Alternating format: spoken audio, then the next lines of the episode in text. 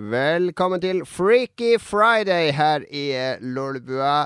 Lars er veldig glad i uh, å uh, gi navn til alle ukedagene, så etter Super Tuesday så hadde han Wanking Wednesday, etterfulgt av Trusetorsdag, og nå er det Freaky Friday! Yeah! Lars, hva er denne besettelsen med å sette navn på ukedager?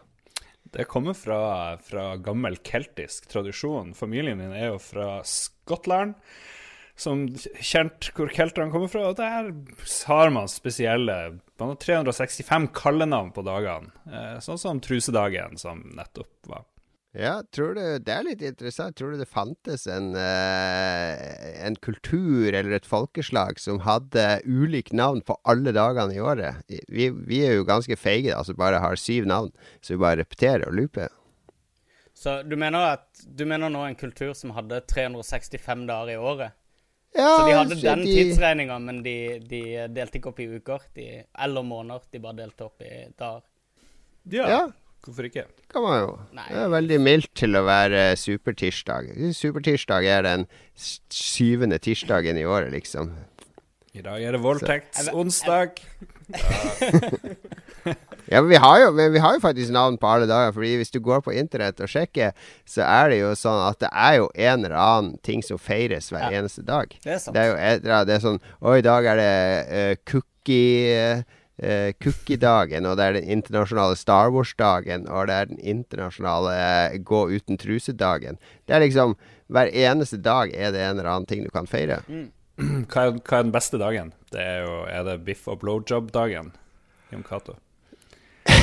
Nei, jeg har ikke noe spesielt forhold til, til, den dagen. Jeg tror det er den beste dagen. Det er um, Nei, det er Jeg slutta med sånt. 17. mai syns jeg er en fin dag. Da for en, for en patriot. Koselig. Nei, velkommen til en ny episode av Lolbua, episode 105. Uh, den store dag-episoden. Uh, vi skal da i dag snakke om de 40 første dagene i året. Det blir tema nå frem til sommeren. Nei, vi skal ikke det. Vi skal, Lars er veldig opptatt av noe som heter Super Tuesday, som, uh, som er mm. har med presidentvalget i USA å gjøre, som han også er veldig opptatt av. Så, så, han vil gjerne ha tema rundt det, men det er jo fredag i dag, for deg som hører på. Um, eller det kan være etter fredag òg. Jeg er da Jon Cato. Uh, denne Super Tuesdayen så stemmer jeg på uh, uh, Jeg må jo stemme på han der Bernie Sanders, for han ligner på han Larry ja. Larry i Curb Your Enthusiasm. Uh, han er litt kul. Uh, hvem stemmer du på i dag, Lars? Jeg stemmer jo på frihetens uh, ørn, ørn i verden. Og eller skal vi si dragen? Jeg vet ikke. Feel the ørn. Feel the Trump, baby. selvfølgelig heier på han. Ja, Men han heter jo Drumpf, er det folk ja, som påstår. Ja, hva er det for noe tull? Nei, det, er jo fornærmende. Du, du, er vel den eneste som ikke har sett den episoden ennå, eh, Lars. Mm. Fra eh, John Oliver for, eh, og crewet, de researcha litt i familiehistorien. Ja, fordi de greia Trump har jo Han hater jo John Stewart, som han hater alle andre som ikke taler hans sak. Så han hadde jo tweeta for noen år siden da han gjorde narr av John Stewart fordi han ikke het John Leibowitz, som han vel egentlig er døpt. Ja. Eh, og så fant eh, John Oliver og gjengen ut at det, Donald Trump sin familie het jo opprinnelig Drump. Så han heter egentlig Donald Drump. så nesten Donald Duck, med andre ord. Ja, ja, men han mente det var fake av Stuart da, å, å, skifte navn til noe Så, så det var Han sier mye som backfire generelt, føler jeg, Lars. Er ikke du enig i det? Mm, ja, det, han sier veldig mye rart, men det har jo ikke noe å si. Han er jo dødspopulær uansett. Så Han er akkurat som han har en munn i ræva, og så sier ræva én ting og kjeften en annen, og de kan liksom ikke bli enige. Mm. Ja. Nei, men det, det er Super Tuesday. Jeg er gira som faen. Ordna meg fri fra jobb i morgen første halvdel av dagen. For det kommer jo resultatene begynner å komme klokka ett. Og da må man se alle de gale TV-folkene sitte og bable og hyle og skrike. Og se Trump holde seierstale, og kanskje han sier noe enda villere enn det han har sagt før. Det er jo et stort sånn realityshow, jeg syns det er helt konge. Så hele konseptet med, med sånn livedekning av at de teller stemmer, det, det reagerer jeg på uh, når vi har valg her også. Så bruker de så utrolig mye tid på å si Eller på å diskutere hva som kan skje hvis uh, tallet de holder på å telle, ender opp i en viss verdi. I stedet for Altså, det, det er jo et, en bestemt verdi man ender opp med til slutt uansett. Og så bruker de da 12-15 timer på å diskutere hva som kan skje hvis tallet blir høyt eller lavt, eller forskjellig. I stedet for å bare, ja, bare telle det ferdig, og så diskuterer vi konsekvenser. Men det er vel eh, Jeg regner med amerikanerne har ganske grei koll på De lager vel ikke sånn sending hvis de ikke, eh, hvis de ikke er seere. Så, Nei, så vi er elsker jo å se på det, men, men det vi egentlig sitter og ser på, er telling og folk som gjetter om hva de tror tallet kan bli. Ja, Men- det kalles analytikere og kommentatorer Ja. og eksperter og sånn. Men har vi ikke en gjest der? Jeg tror jeg, tror jeg ser noe. Jo, jo, men før det, Magnus har ikke sagt eh, Magnus har ikke sagt hvem han stemmer på. Jeg er jo en eh, er sånn Bernie Sanders-tryne, selvsagt. Som den eh, sosialdemokratiske økonomiinteressenten er. Så jeg det havner nok på han. to, to for Bernie her Men og én for innrømme, Trump. jeg, jeg ble sittende oppe da Hillary Clinton eh, var så sykt i ilden fra eh, den derre spesialhøringa eh, om den her eh, Benghazi, eller hva ja. Benghazi-ambassaden og om sikkerhetstiltakene i forkant og i forhold til det. eh, Og jeg ble sittende oppe, jeg tror det var til klokka fem om morgenen, eh, der hun bare ble altså bombardert av eh, av republikanerne med helt sånn helt irrelevante spørsmål i forhold til Benghazi-saken. Der de var mye inne på serverne sine, disse her e-mail-serverne. og Det var veldig mye sånn personlige angrep og sånn. og jeg, jeg, hun, hun sto så sykt bra imot den her stormen. Hun, hun reide av, eh, altså like a queen. Hun, eh, og hun eh, tulla og var rolig og fatta og svarte og knuste de som prøvde å sette henne ut av spill. Så der og da så fikk jeg vill respekt for henne right. som er politiker. da er det én for Sanders, én for Trump og én for Clinton. Skifta mening her i siste nei, øyeblikk. Men det er det jeg eh, sier. Jeg liker Clinton, men jeg tror Bernie Sanders er bedre for USA. Ja, jeg liker ikke Clinton, ikke etter jeg så den lekka sextapen. Det- Da, da gikk jeg over til Sanders sin sextape mye bedre. Ja, den er Eh, fantastisk. men vi har jo med en, en fjerde velger her, den såkalte sofavelgeren, som, eh, som nekter å stemme med mindre du kan gjøre det i World of Warcraft. Eh, avlegge stemmen. Mats, PC Master Race, velkommen tilbake. Takk skal du ha. Hyggelig å være tilbake. så tilbake. god, uh, god lyd du har på den. Ja, du er jo i Oslo, ja. Det stemmer. Ja, så du sitter jo rett i nærheten. Ja, Hva er, hva er det beste landet i verden, Mats, forresten? det må jo være USA, Lars. Vi, har, vi har jo vært der. Vi har, vi, har, vi har sett med egne øyne den store nasjonen som er i USA. Og Det forjettede land. Når, jeg, når vi gikk rundt i USA, så så vi bare Vi så frie mennesker, vi så tapre mennesker hver dag. Ja, ja. Det, er det, mest, eh, det er det beste landet i verden. Det er det mest rettferdige eh, landet. Alle kan bli rik. Alle kan, Ja. har samme mulighet. Men Du vet at er sånn- NS, eh, NSA de har en sånn sarkasmedetektor på nettet. De hører på alle podkaster som lages, så det spøker for hvis dere har tenkt dere gå til Texas eller et eller annet på Formel 1, eh, det her. Det er, det er, jo, det er jo ikke 100 ironi heller. Det er jo det verste. Det er, USA en, er jo konge. En, en sarkasmedetektor på internett høres ut som en ganske vanskelig oppfinnelse å, å gjennomføre i praksis. Men ja, vi snakker om, eh, vi snakker om Ja. stemming. Skal, får jeg lov til å avgi stemme? Kan jeg, kan jeg? eh, Ja, det, regelen er det er ikke lov å stemme på noen som allerede Så da har er det fått stemme. cruise på deg. Så Ted Cruz eh, kan du stemme på. Yay! Og så må du forklare hvorf hvorfor du stemmer på Ted jeg vil, Cruz. jeg vil stemme på Hillary Clinton. Ooh. Fordi da, da kan han Bill Clinton bli the first lady. Og det er, ja, det er òg gøy. Bare, bare tanken av det er nok til at jeg vil gi stemmen til Hillary Clinton. Men hva, hva vil skje i verden, Mats, hvis Donald Trump blir president? Um, Jeg får lyst til å flytte tror- til USA, da. Fordi jeg, tror, eh, jeg tror det er lagd en spillefilm eh, med han Arnold Schwarzenegger som eh, tar for seg det. Og den heter noe sånn her Faen, nå skal jeg huske tittelen. Men det er i hvert fall Running masse, Man. Nei, den hvor han må drepe de demonene og sånn. Og helvete, helvete kommer tilbake til jord. Jeg trodde du skulle si Terminate. End of days. End of days. End of days. Yes, takk. Ja. Det, Det fins forresten en, en, en, eh, en time lang eh, film som, eh, med Johnny Depp i hovedrollen, som nettstedet Funny or Die har lagd eh, med Som er en sånn filmatisering av den der eh, eh, boka til Donald Trump. Um, etter en The Art of the Deal, er det han heter, den boka fra 80-tallet? Så Mm. de har faka en hel én times 80-tallsfilm med dødsmye kjente skuespillere med, og altså Johnny Depp i hovedrollen som Donald Trump. Anbefales å sjekke ut på Funny or Die. Kompisen eh, vår og din, Mats, han Dag Thomas, sier at hvis Trump blir president, så går jo oljeprisen opp. Så du bør jo egentlig Det er sant. Jeg, det, er, det er faktisk veldig sant. For min egen eh, jobbkarriere burde jeg stemme på Trump. Og ikke bare det, men også for verdens beste. Og for? Norges økonomi. Ja.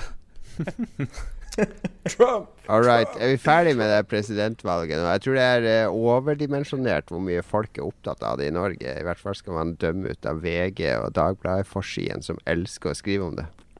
Ja, Får det så- mye klikk, de her sakene?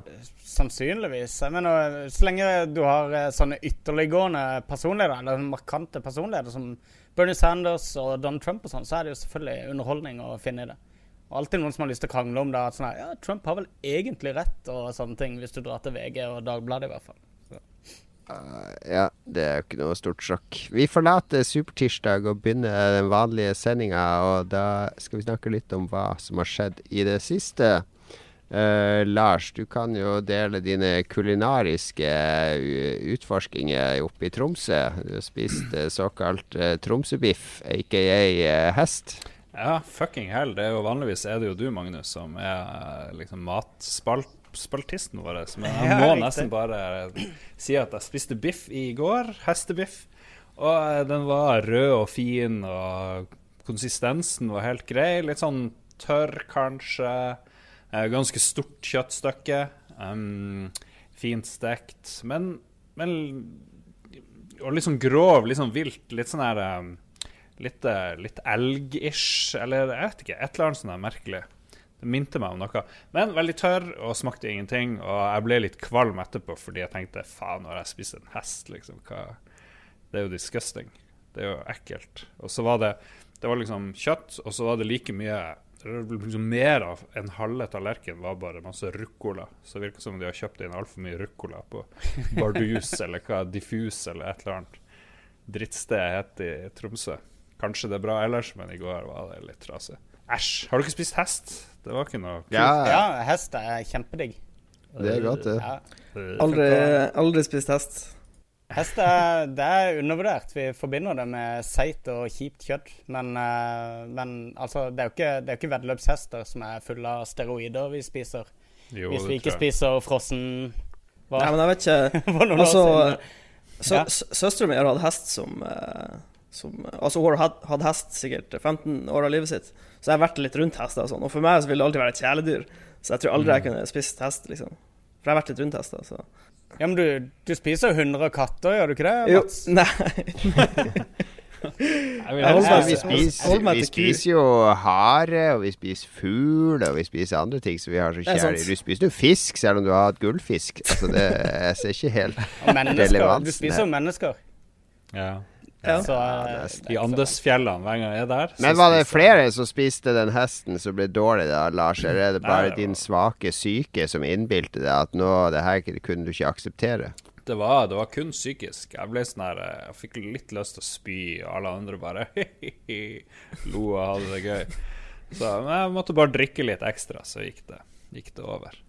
Ja, jeg, jeg har spist hest et par ganger. Det har vært godt. Jeg tror jeg har spist sebra òg en gang. Sebra kan du spise da, Mats, for du har ikke hatt, vært rundt en sebra. sebra. Det går bra. Sebra går bra. Og bjørn. Ja. Bjørn går også bra. Det har jeg spist. Bjørn.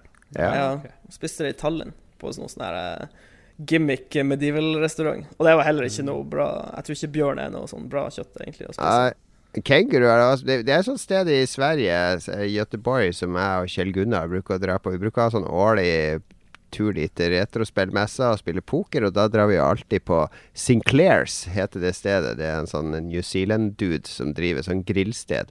Og han har en sånn veldig kul meny da med kenguru og sebra og diverse ting. Koala. Alt vi har spist der, har vært eh, svingodt. Ja, okay, Ja. Så slutta du å bruke briller etter du spiste med sebra nå, så det hjalp jo. Og det, det er Ah, ja. barneskolehumor nå. Litt sånn uh... Barneskolehumor i Lolbua. Meget bra. Hørte latteren runga fra vår gjest og fra min medprogramleder Magnus her. Det, Du får legge på litt sånn bokslatter i post, uh, uh, Lars. Jeg prøver å tenke Right. hardt på boks, boksvitsen kommer ikke.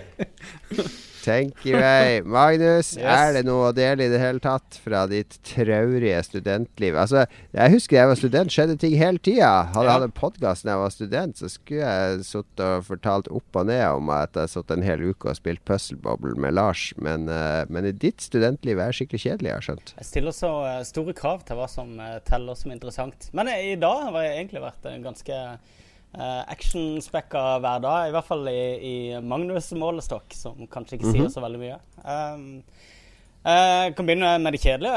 Eh, vi ble ferdig med det gruppearbeidet som jeg har jobba ræva med meg i to uker nå, så det var litt deilig å bli ferdig med. Og så, uh, som sikkert noen av våre lyttere har fått med seg, så har jeg um, gått tilbake til Windows Phone for ikke så veldig lenge siden. Eh, jeg kjøpte meg Windows Phone, tenkte at nå var det på tide å teste ut igjen det. og... Eh, eh, for bare noen dager siden så bestemte jeg meg for at uh, det var et eksperiment som kanskje ikke gikk så bra som jeg hadde håpet.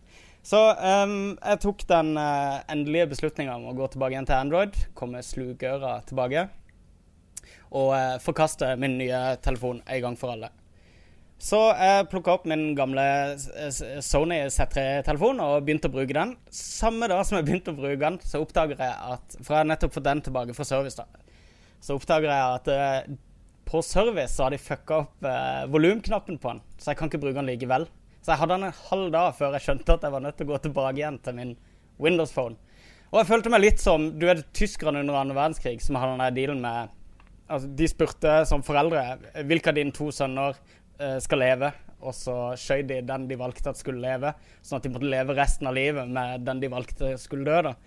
Jeg sitter litt med den følelsen nå, der jeg sitter med telefonen jeg egentlig hadde bestemt meg for å kvitte meg med, og, eh, og jeg hadde, hadde lyst på, på reparasjon.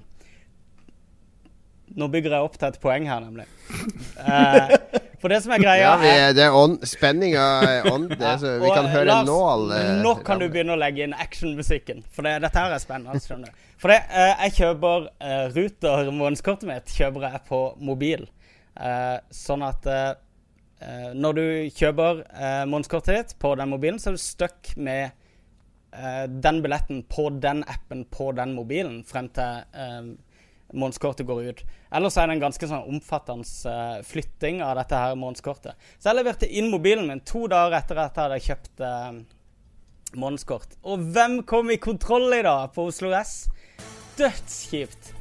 Så jeg var nødt til å stå der og forklare disse dritsure, militante Stasi-vaktene som står i sånn her fem De gjør bare jobben. ja, ja, for all del. Det er det de gjør, men det er sånn du opplever det. Det står sikkert 20 sånne vakter da, og, og liksom oss, eh, kanaliserer deg inn i en sånn her eh, eh, sjekk... Eh, hva skal jeg si, et sånn sjekkområde, da.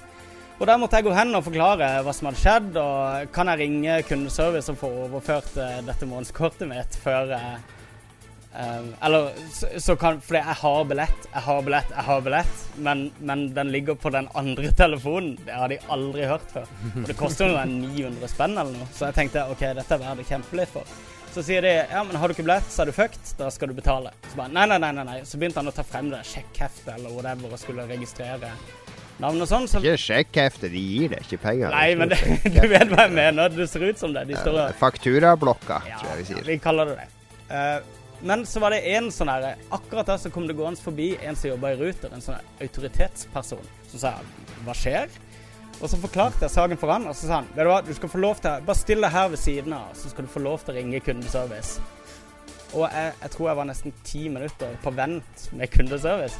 Mens jeg måtte stå der sammen med alle de der Du vet alle de der skyldige, de som bare står og, og betaler, mens alle, alle går frem og tilbake ved siden av og så dømmer deg på veien om at Ja, du er, du er tatt i sniking. Du er tatt i sniking. Ikke sant? Så sto jeg der, og de tok aldri den der telefonen. Omsider, etter ti minutter, så går jeg gjennom en lang og sånn smertefull prosess der jeg må gjenta masse koder og greier, og til slutt få overført eh, studentmånedskortet mitt til mobilen min. Og da husker jeg jo selvfølgelig at du må egentlig være under 30 år for å ha lov til studentkort. Så jeg hadde jobba ganske lenge med å eh, egentlig få ned en, et ugyldig månedskort. Så eh, jeg tenkte fuck it, når jeg har brukt så mye tid på dette her, var det litt sånn høy puls, og jeg følte jeg hadde stått og drept meg ut litt vel lenge der. Så jeg bare tok opp det der kortet, gikk hen til han der autoritetsmannen.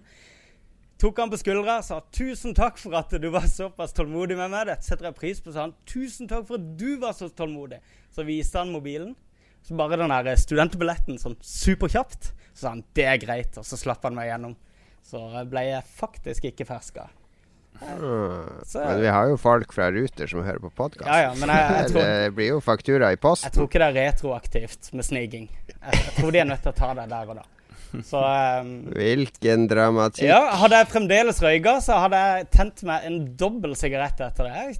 Jeg hadde ikke spist siden frokost. Det var var litt sånn shaky. Det var intenst. Men uh, det er kjempeenkelt å overføre billetten til en ny telefon på iPhone. Ja, men det er hvis du har begge mobilene, så er det kjempelett. Men hvis du har gitt fra deg den mobilen som har billetten på, så er det en sånn kode som må finnes, og de må spore kjøpet ditt på kortet ditt. Det var veldig Jeg måtte finne frem kvittering, og det var veldig mye bråk. Ja, det var spennende. Oi, oi, oi. Fuck you, du som forteller eh, tre timers sånn her eh, dokøhistorie om Cato. Ja, ja, ja. Ja, ja. Vi får la lytterne avgjøre. Nei da, det, det er jo alltid spennende å bli tatt i kontroll.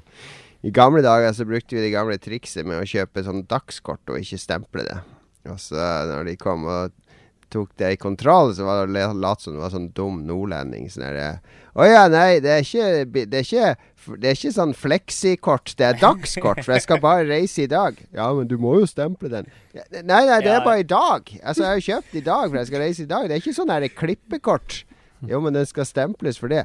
Jo, men det er, det er for å reise hele dagen. Det Ja. står her dagskort. Skal ikke stemple det. Da, da, det er basically noe alle kristiansandere som flytta til Oslo på den tida, der ble informert om. Det var et genialt triks på 90-tallet. ja, På, eh, på Ruter-kontoret nå så driver de og skriver ut to bilder nå. Ett av Jon Cato og ett av Magnus, og så henger de opp på veggen.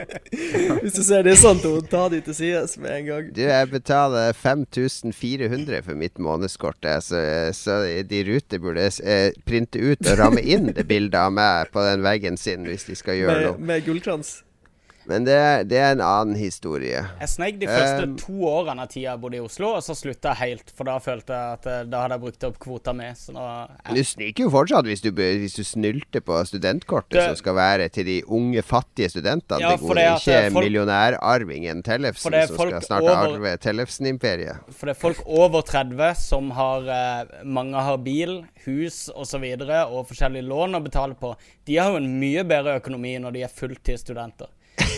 Jo, Det er vitsen med å kjøpe en billett som du ville bli busta for, hvis du må vise den i kontroll? Nei, fordi du kan vise den kjapt, og hvis de, de spør så å si aldri om Ok, så det er, det er sneaking light? Det er det du holder på med? Jeg mener, at, jeg mener at det er innafor.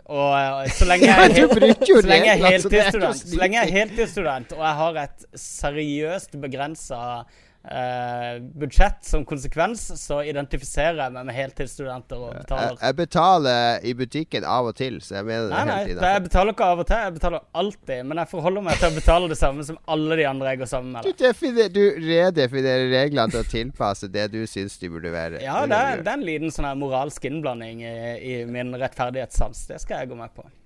Ok, ok. Jeg vil forvente et leserinnlegg fra deg i Side i Aftenposten, der uh, de sinna ungdommene uh, kommer med krass kritikk av, uh, av overformynderiet. Men den 30-årsgrensa er helt på trynet. Jeg, Jeg tror det er 30-årsgrense i Side òg, men kanskje Ja, du det er kan snike deg inn der òg.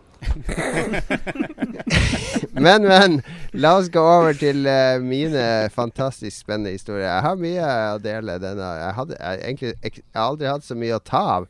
Jeg har vært på hyttetur med Alf Hildrum, uh, TV 2-sjefen. Jeg har uh, gjort eh, ekstremt mye siste uka, men det jeg kanskje burde dele, er vel at eh, forrige fredag så fikk jeg telefon sånn eh, halv fire-tida på ettermiddagen. Tydeligvis at jeg hadde ringte fem stykk før meg som takka nei. Men uh, sånn i halv fire-tida på fredag så fikk jeg telefon som sa han var fra trygdekontoret på NRK.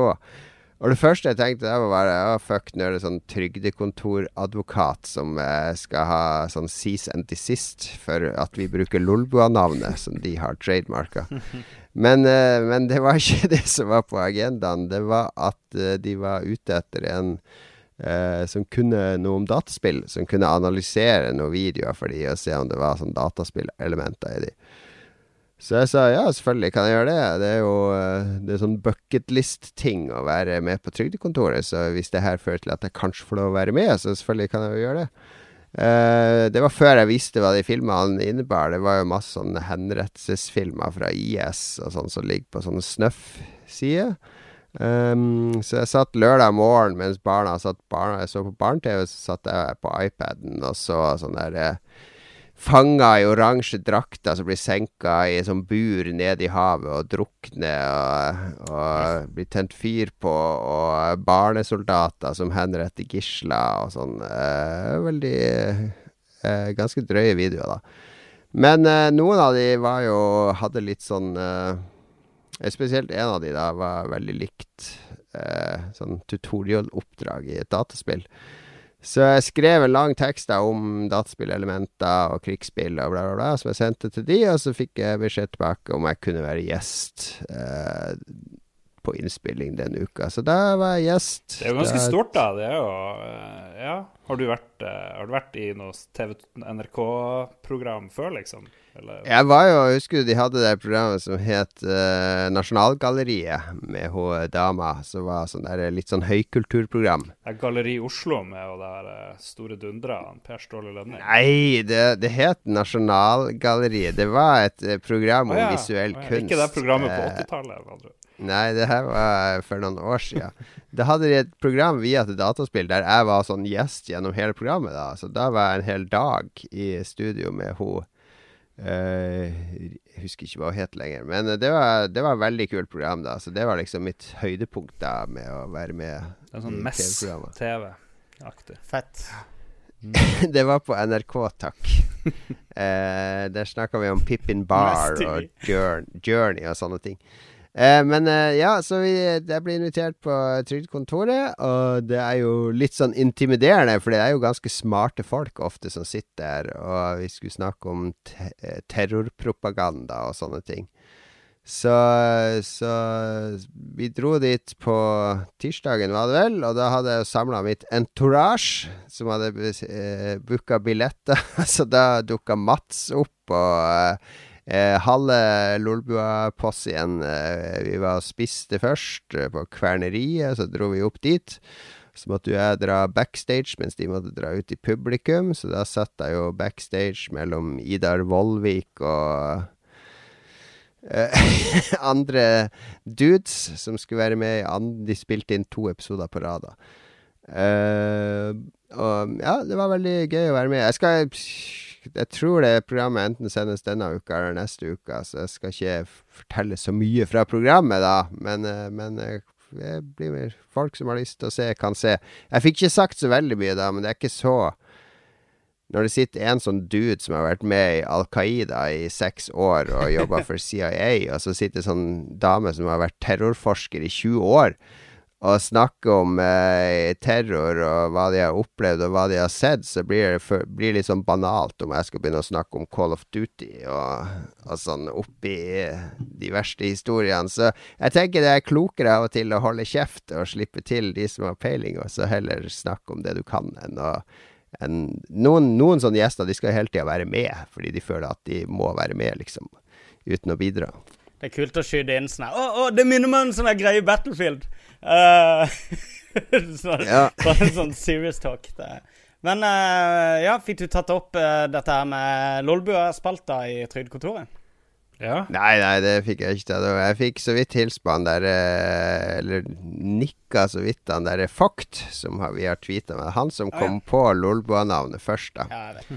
Eh, og så invaderte vi jo den faste eh, Trygdekontoret-puben etter sending, med og, og Robin og Mats og hele gjengen. Fordi der bruker Trygdekontorredaksjonen å ha sånn post-øl.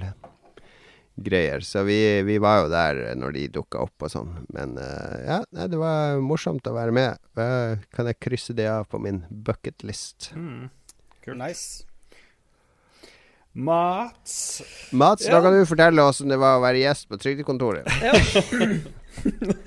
Vi um, eh, Det som var litt spesielt, var jo at som han Jon sa, det var jo to, to episoder som ble spilt inn.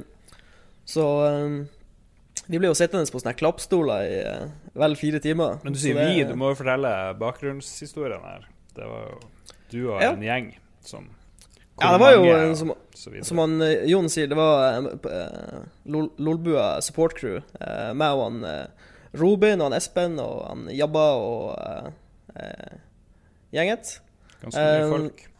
Ja, vi var en bra gjeng. Eh, så var det bare noe sånn der eh, Jeg vet ikke hvordan han fikk tak i plassene, liksom, men det var vel på nettet en plass. eh, og så fikk vi tilbudet, og så dro vi bare, møtte vi bare opp. Og ble stua inn i store studio på noen sånne klappstoler. og så fikk vi noen sånne eh, instrukser. Og det som var litt fascinerende, var eh, Jeg var ikke klar over det, egentlig, men de, det, er jo, ikke direktesendt. Så de gjør jo masse takes. Hvis han Thomas Elser sier noe feil, så er det bare ba, ba, ba, OK, da tar vi det fra starten av, liksom. Fra toppen. Så det var, det var litt artig å se live når, eh, når folk fucka opp.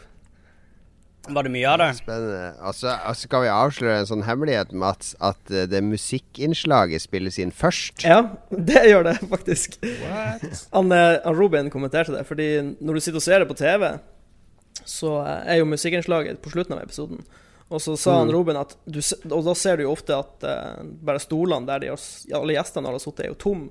Så det ser nesten ut som de bare har gått under eh, musikk... ja. og- Men det, det stemmer jo ikke, de spiller jo inn musikken først, så det var litt Driver de og varmer opp publikum og sånn i, uh, før, uh, før sending?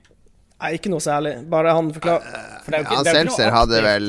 Jo, jo da, altså han kom jo og, og snakka litt med oss og kom med noen vitser. og- Er Ja, Seltzer drar noen sånn follow-vitser og varmer litt opp, men ikke noe sånn stor sånn standup-show. Er Han er jo litt naturlig morsom og sarkastisk og Ja, han, er, han, er, han er utrolig god på sånne kjappe, morsomme replikker. Det skal han ha. Det, mm. han er en veldig naturlig fyr sånn sett.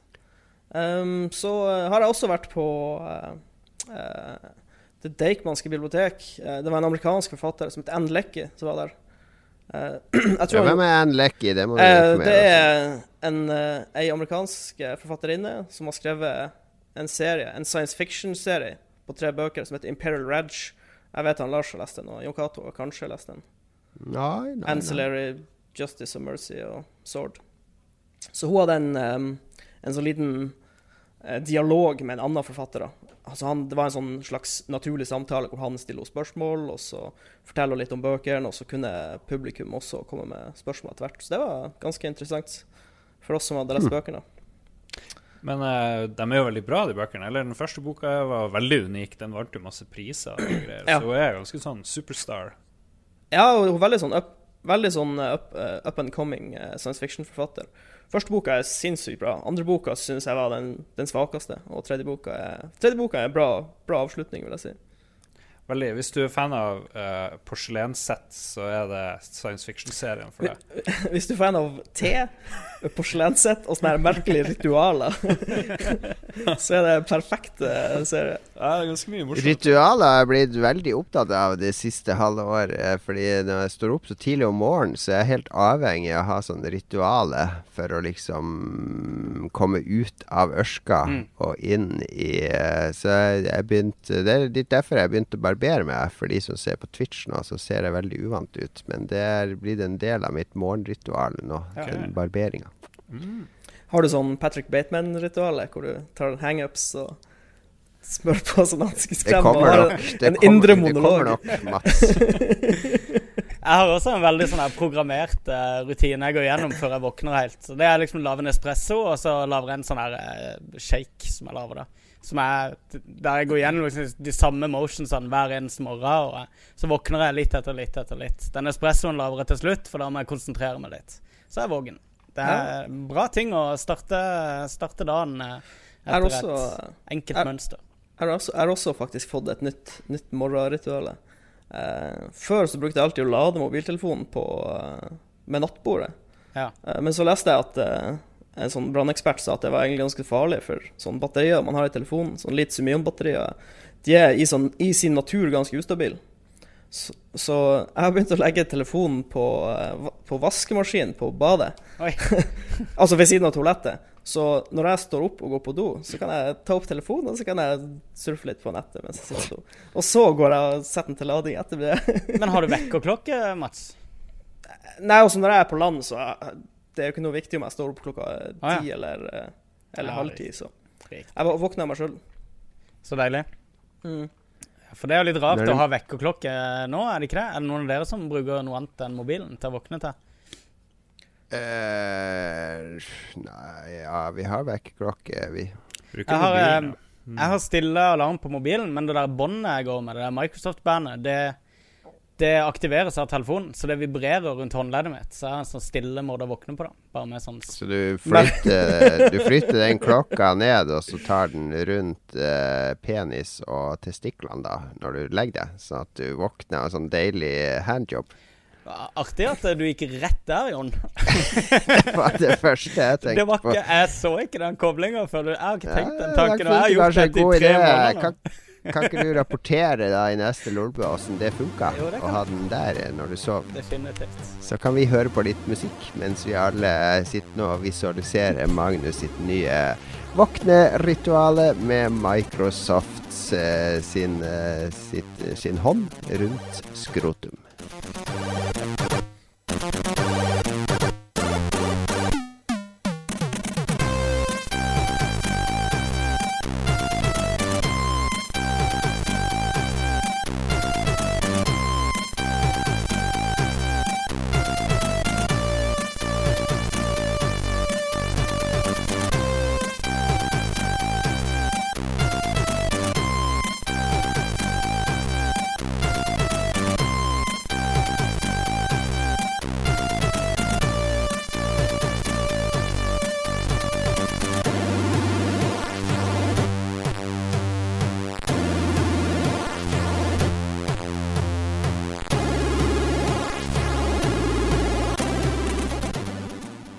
PC-spilling er uh, det ypperste innen spill. Det har alt, nesten alltid vært det. I hvert fall de siste uh, ti årene vil jeg si at PC-en har vært et hestehode foran. Uh, vår PC-spillekspert Mats, du er vel helt enig med meg? Ja. Det var en litt sånn kjip periode der når PlayStation 1 kom og sånn, Ja, og PC-en i et år ikke hang med helt. Absolutt. Det var en Og, og ikke minst eh, Eller du regner kanskje Amiga og sånn som PC, fordi eh, Amigaen var jo sånn Du fikk ikke til sånn Pinball Dreams eller sånn 2D-scrollespill på PC på 80-tallet, 90-tallet. Det, Mm. det funka dårlig. Det var ikke noe smooth scrolling. Det var, var mye mangler i hardwaren. Ja, stemmer. Jeg, jeg, jeg regner Amigaen som en PC. Det, det var der det starta for meg, liksom. Det er Det er, jo jo ikke en PC. Det er jo en personlig datamaskin. Jo, men det er jo en Ok, så PlayStation. du elsker, du elsker Amiga, men hater CD32, da? Jeg har, jeg har Eller, jeg husker ikke Jeg jeg hadde en Amiga CD32, og jeg hadde den utvidelsesboksen SX1, så gjorde det om til en Amiga 1200. Hardcore shit. Res respekt. Men grunnen jeg, vil si, jeg, vil, jeg må forsvare mitt Amiga var en PC-statement. Uh, fordi det vil, det vil si at du, du hadde på PC eh, på, Beklager, på Amiga så hadde du tastatur og mus. Ergo er det jo en PC. PC er for meg Windows, på et vis. da. Ja, jo da. Altså, Commodore okay, det en- 64 ok. ble jo solgt eh, som en sånn her Office-pakke med printer og uh... Ja, men det er ikke en PC, for det har ikke mus, ifølge Mats. Å oh, ja, ja, riktig. Så PC-er eh, før musa ble oppfunnet, de var ikke PC-er. Altså, hvis vi, skal, hvis vi skal si en PC i den forstand av hvordan du bruker en moderne PC til spilling, Ja. så ligner Amigaen ganske mye på en PC. Jeg er Men helt enig. om det er klassifisert som en, PC-PC, det, Du det er ikke så viktig. eh, du, hva, hva er forskjellen? Du hadde jo et OS eh, et, Ja, Workbench. ja, Amiga workbench. Og du hadde du ikke printer og sånt Amiga? Så hadde du Du hadde, du hadde liksom Du hadde Dune 2, eh, Command and Conquer Nei, ikke Command uh, Cannon Fodder. Du hadde mange, masse spill hvor du brukte musa hovedsakelig som, som uh, så, hadde, så kunne du utvide minnet, og du kunne Ja, du kunne få ekstra ram og harddisk. Ja, ja. og, eh, ja, jeg vil si det er innenfor. Helt all right, enig. all right. Men ja, eh, altså en PC er vel noe du kan bruke til mer enn spilling. Hvis du definerer det sånn, så, eh, så er det jo eh, ganske enkelt. Der må jo alt av datamaskiner inkluderes. Uh, og ingen spillkonsoller, basically. Bortsett fra PlayStation 3, der du kunne installere Linux. Men la oss ikke gå ned, ned den, eh, den eh, gata. PS, PC ødela jo for Amiga, så jeg er veldig imot det der at Amiga er PC. Det blir helt feil i mitt hode. Det går ikke Jo, men uh, PC-en er jo ikke bare én enhet, Lars. Nei. Det er jo et helt Nei, konsept. og det var strengt tatt Commodore som ødela for Amiga, ikke Mm, PC. de ødela for seg sjøl eh, ganske fint. det- Eh, bilen, det en- bilen ødela for hesten, liksom. Noe sånt. Noe sånt. Vi, vi, skal, vi har fått inn masse spørsmål fra lyttere om eh, PC. Det er tydeligvis at det er populært når vi tar for oss PC. Fordi PC står sterkt i kurs i Norge. Altså, det er eh, Nordmenn liker PC. De liker å spille på PC. Det er PC og PlayStation som er de store tingene her. Uh, generell skepsis mot uh, Xbox. Jeg tror mange PC-spillere misliker Xbox sterkt. Eh, mye fordi det tar eh, Det et fokus Microsoft kunne hatt på spill til Windows, eh, som de i stedet bruker eh, At de flytter det fokuset over på, på den konsollen sin. Eh, samtidig Og Nintendo står heller ikke så sterkt i Norge. Det er en sånn liten following. Så PC er megasterkt i Norge. Er ikke du enig i det, Mats? Absolutt. Eh, og jeg, jeg, er ganske enig med det du sier om, om Xbox, og hvorfor folk misliker Xbox. Og det, Et godt eksempel er jo det, det eh, Jeg vet ikke om dere har fulgt med på det spillet sitt Quantum Break. Ja. eh, Mhm, det som er av det finske studioet. Det skal jo slippes på PC, men det kommer sannsynligvis bare til å slippes på Microsoft sin egne Windows Store, i stedet for andre I Men stedet for det- Steam og Hvorfor er det problematisk at det selges et annet sted hvis du skal kjøpe det? Er det viktig å kjøpe det på Steam? Hvis du kan implementere, eller hvis du kan Uh, Hvis du kan legge det inn i Steam etterpå. Det er jo andre ting som er Jo, men eksklusive for stores, er det ikke det? Ja, jo, altså, du har jo Origin og Ja, EA og Ba- sine Ba- eksklusiver og Men treng, Uplay. trenger vi Og Good vi- Old Games. GOG Galaxy vi-. Jeg har jo masse eksklusive gamle spill. Som Jo, du bare jo, jo, men mitt, mitt poeng er trenger vi enda en sånn sak, liksom? Kan ikke de bare bruke noe som er etablert Jo, men og eksisterer? Alle som har Windows, har også installert Windows Store. Så det, dette innebærer jo ikke noe nytt. Det er egentlig bare å jo, men jeg, jeg tror Jeg ser eh, ikke problemet fundamentet Jeg tror fundamentet for misnøyen her er vel det derre Games for Games for Windows. Ja, altså, for- ja. som, eh, som Microsoft drev med før, som, eh, som ikke hadde noen meritter med seg, som ikke Nei. brakte noe godt med seg, som alle har dårlige minner fra. Ja. Da Men folk Microsoft skal tvinge ja. Jo, at de tvinger sånn uh, uh, store-eksklusivitet på det her, fordi- det gjør jo folk skeptiske hvis Men- de allerede har Ja, men, på men dette på er ikke det samme, for det, det er ikke, er ikke online-systemet. Altså, det vil gå over live uansett. Hvis du kjøper det på Steam, så vil det fremdeles gå over live. Online-greier. Grunnen til det er at de kjører crossplay med Xbox, sånn at de må være på samme nettverk. Så, så derfor så Du er jo uansett jeg, Det kunne vært i, i salg på Steam, men du måtte ha spilt det over live likevel. Jo da, jo da, men sånn er det jo med, med Ubisoft sine spill. Ja, hvis, sånn er hvis du kjøper de på Steam, så kommer du til å kjøre de stort sett gjennom Uplay. Men, Men, så, det, det, kommer men- ned, det det koker ned til, er bare at jeg har lyst til å betale penger via La oss da høre på eksperten Ja. her. Hva? jo, men Vi måtte det- bare få et ord fra sponsoren vår, Microsoft.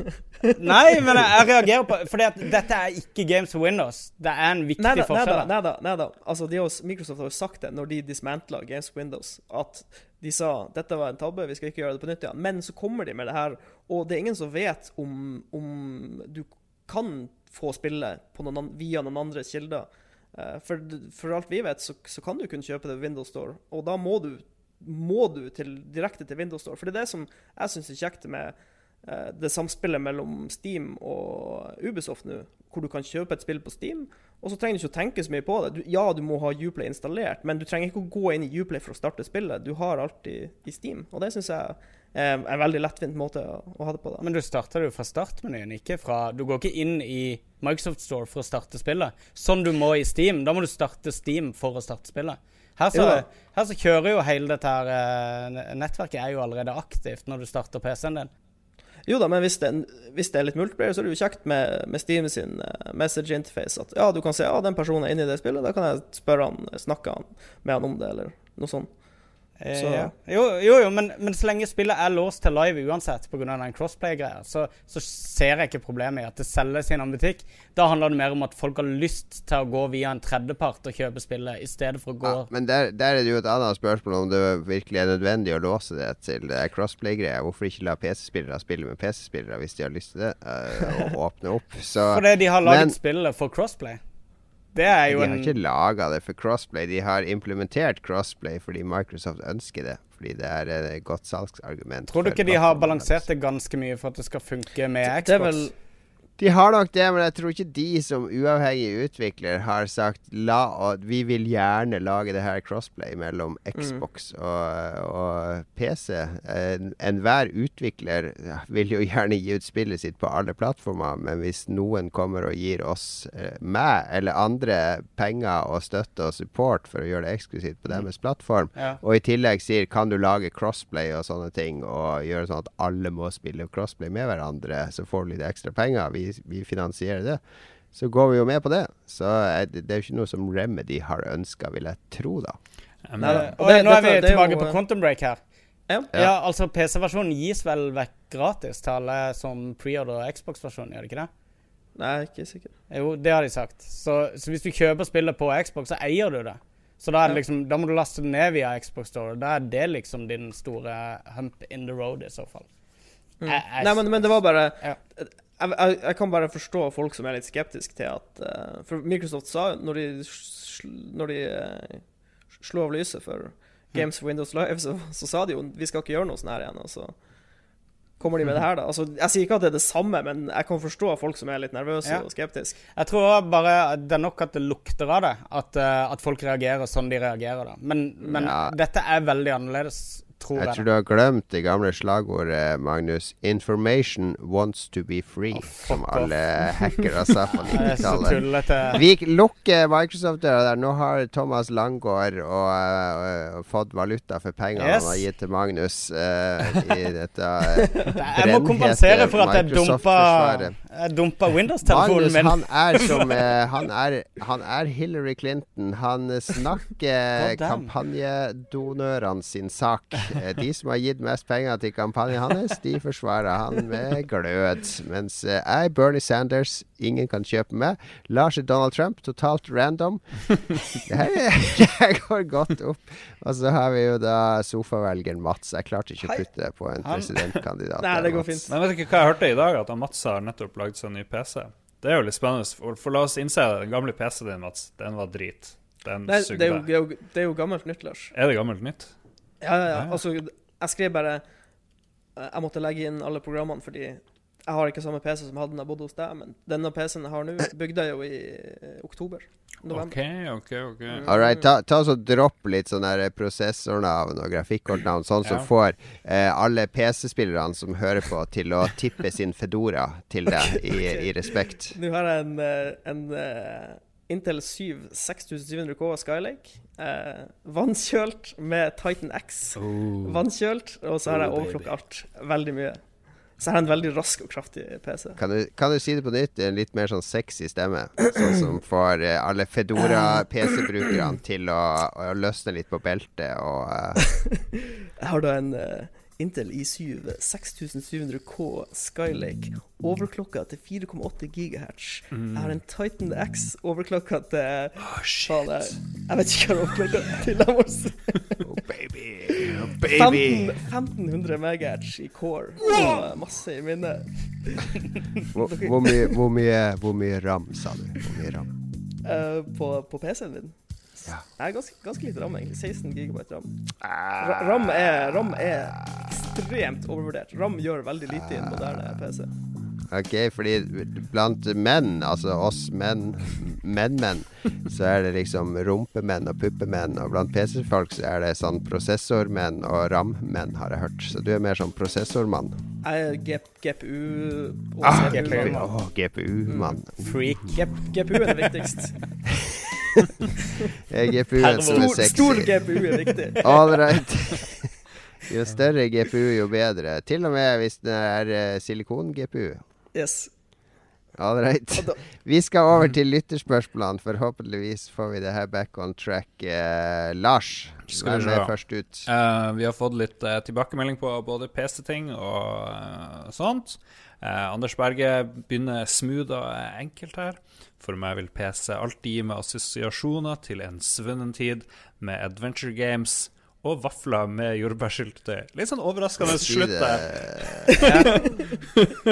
Litt mer sexy, Lars. Adventure games og vafler med Jordbærsyltetøy. Jeg vet ikke hvor Yugata vil ha det her.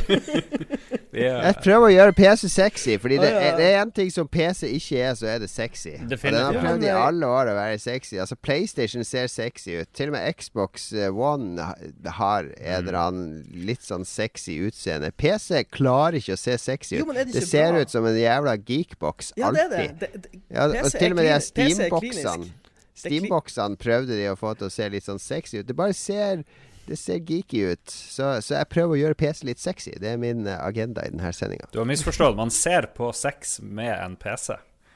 Ikke at PC-en ser sexy ut. Ah. Det- misforståelse.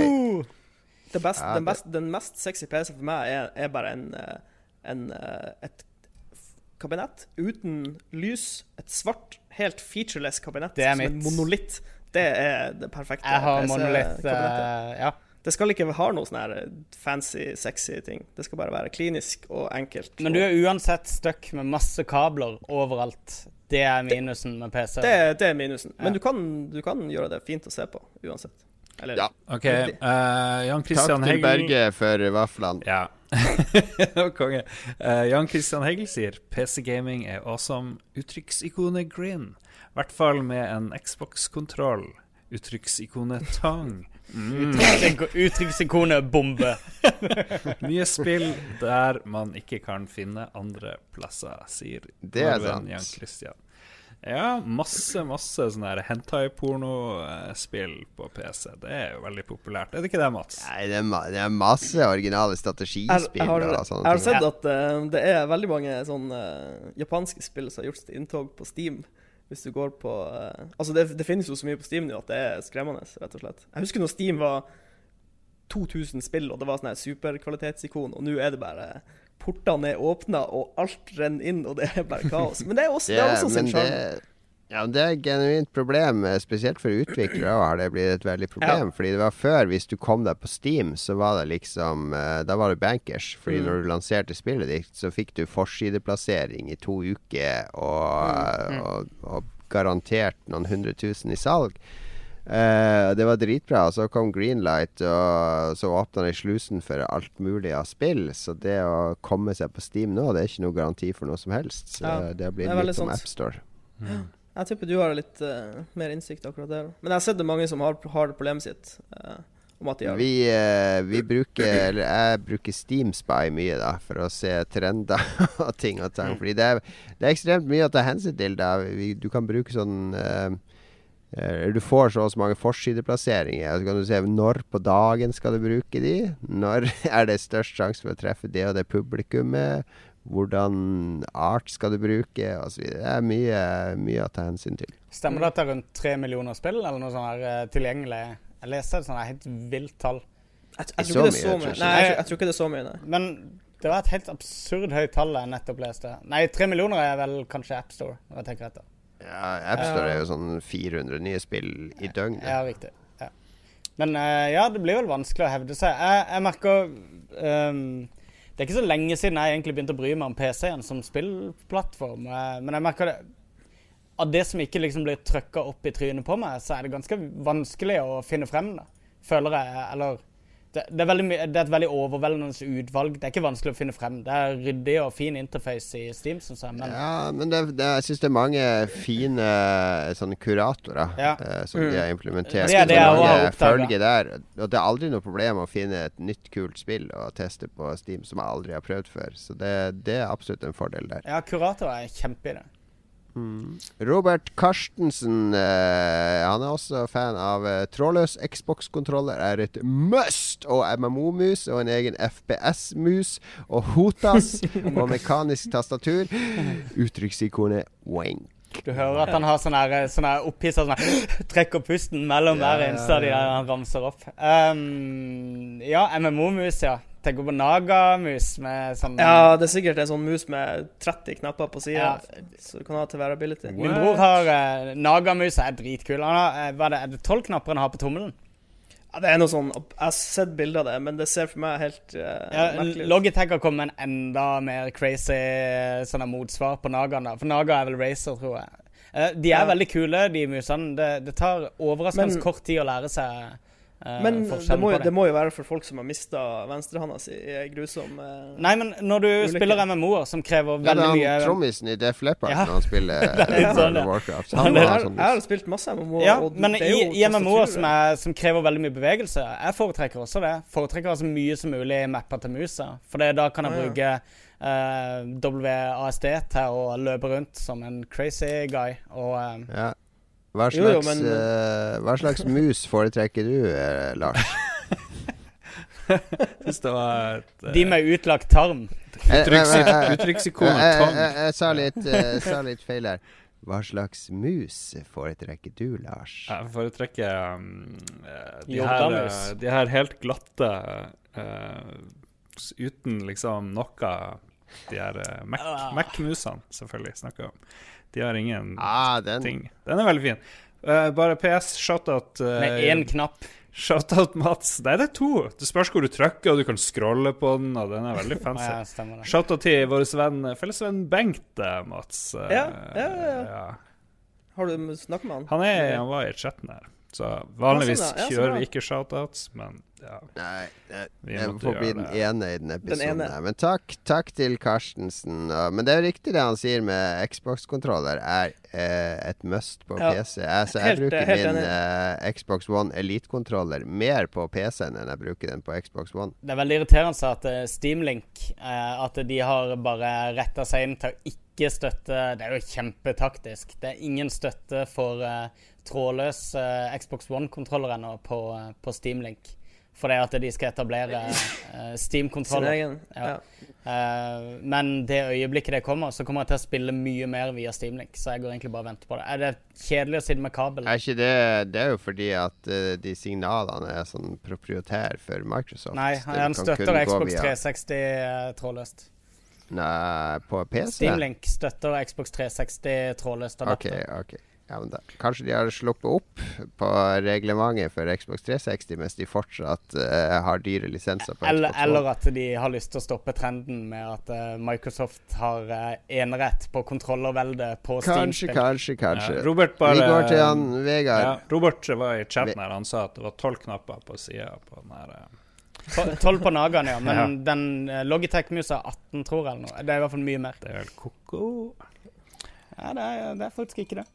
OK, skal vi gå til han Vegard Megaman Mudenia? Uh, PC Gaming betyr bare én ting for meg, og det er The Curse of Monkey Island.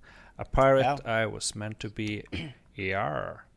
Uh, var noen av dere som hadde Sega på 90-tallet? Han bare snur helt om her og måtte argumentere.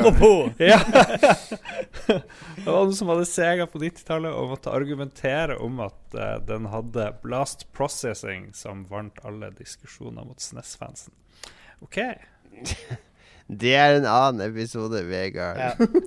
Eh, men det, apropos Sega og PC-er, det husker jeg godt når jeg jobbet, begynte å jobbe i Akersmik på 90-tallet.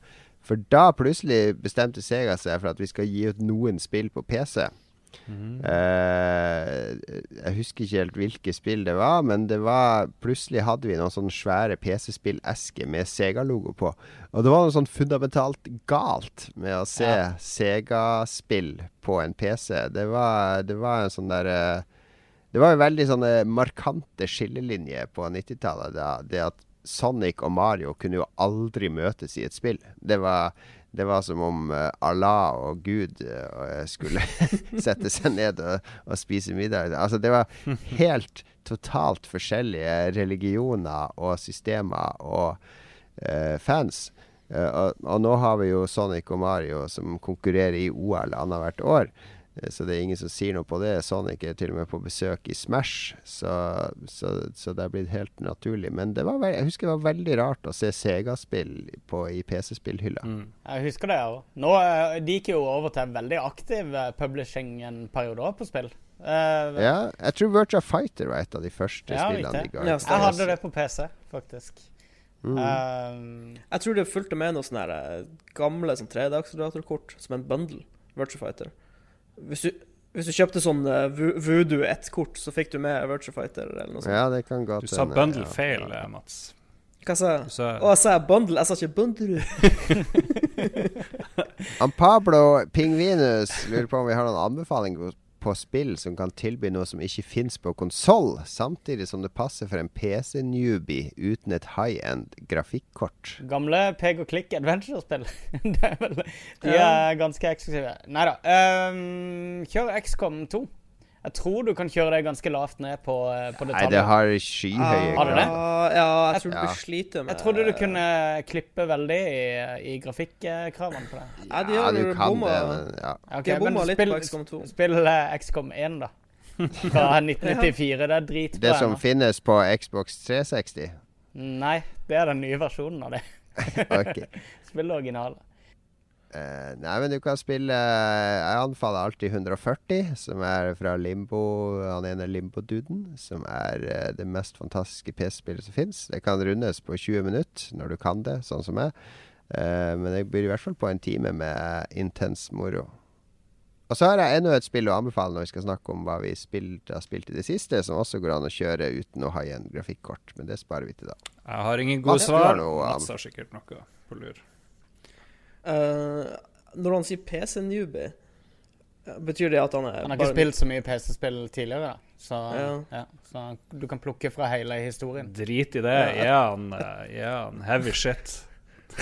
Hopp. Jeg tenker Han kan jo prøve seg på ro rogelikes. Det er jo uh, de mest uh, lettkjørte spillene ever. Men uh, gi, gir, de noe som ikke Som ikke um, uh, konsollspill gir? Liksom? Ja, ja, Rogelux er jo genialt. Det er jo turn-based uh, Skal du, skal du hive han rett inn på Dwarf Fortress nå? I, Nei, Dwarf Fortress blir the deep end. Men jeg tenker noe sånn her uh, Dungeon Crawl, Stone Soup, med grafiske tiles. Det er jo ganske fint presentert, og det, det er et veldig djupt spill, og det krever nesten ingenting. Hva du kalte det for? A Dungeon Crawl heter spillet, da. Eh, Spill World of Warcraft. Damn it. Ja, og Desktop Dungeons kan du Ja, prøve deg på. ja. Crypt, Crypt of the Necrodancer er også veldig morsomt. Altså, det er mye morsomt det er på PC. Ja. Jeg tror faktisk på Steam så kan du sikkert Det er sikkert en tag som er low end, eller noe sånt, hvor du kan få opp spill som er, krever lite. Mm. Men, eh, men si noe annet kult. og- Ja, nei, vi skal jo snakke om hva vi har spilt i det siste uansett. Glem det. Vi, vi går videre til han Sean Anders. Risengrim. Han høres ut som han er med i Hotell Cæsar, er ikke det sånn? Hotell Cæsar det må være tullenavn. Det Vi tar ikke med tullenavn. Hopp over han, Lars. Nei, jeg kan ikke hoppe over ha han. Han nei, spør om uh... eh, Sean Anders Risen. Jeg skal se om han finnes på Facebook.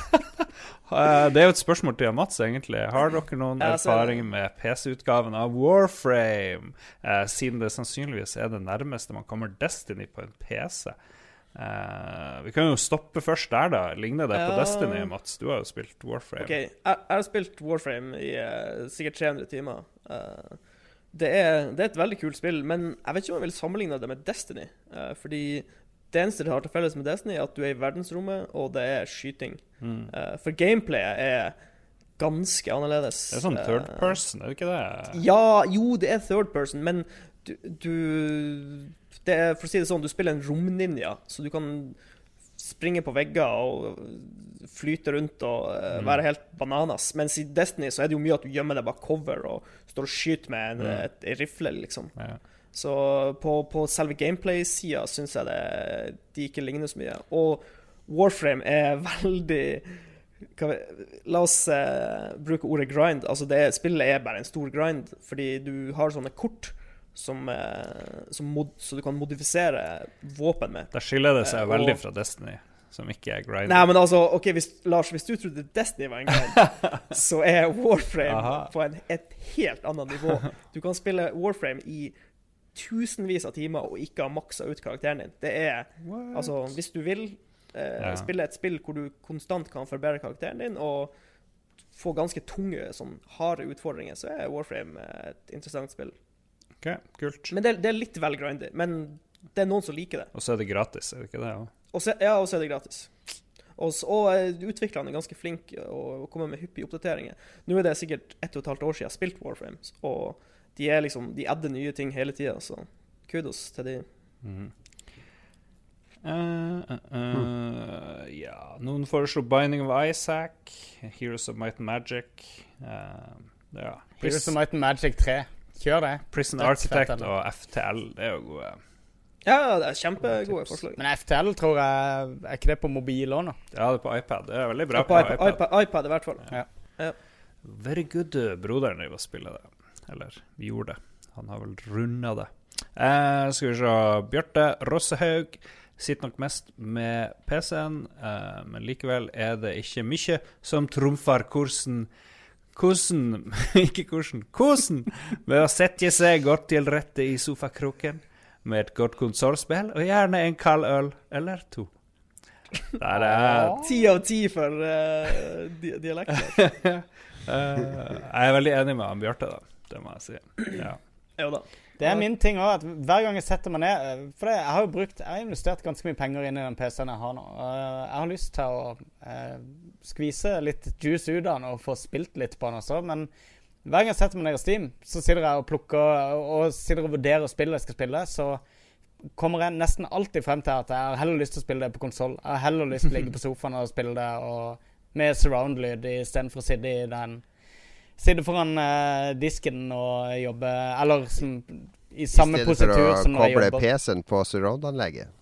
Ja, for det, men det hjelper meg jo ingenting å koble Ja. PC-en på surround-anlegget så lenge ikke surround-anlegget er rundt meg når jeg sitter Jeg, foran jeg kan si for min del så jeg venter bare på at sønnen min skal konfirmere seg i mai og kjøpe seg egen PC. Fordi det første jeg skal gjøre da, er å koble min power-PC bort i konsollkroken og Ja. sofaen og opp Mm. på skjermen der med, med Xbox One-kontrolleren og Steam-kontrolleren og et mus og tastatur ved siden av, og sitte i sofaen og spille. Fordi jeg liker ikke å Jeg, jobb, jeg sitter på en kontorstol og jobber hele dagen, Ja, så jeg orker ikke å sitte og spille på en kontorstol om kvelden. Men jeg vil gjerne sitte i sofakroken med tastatur på en fjøl og mus på en fjøl attmed og spille XCOM Men med du- beina Glorious. Steam- CFS. Fjøl, fjøl, Mats.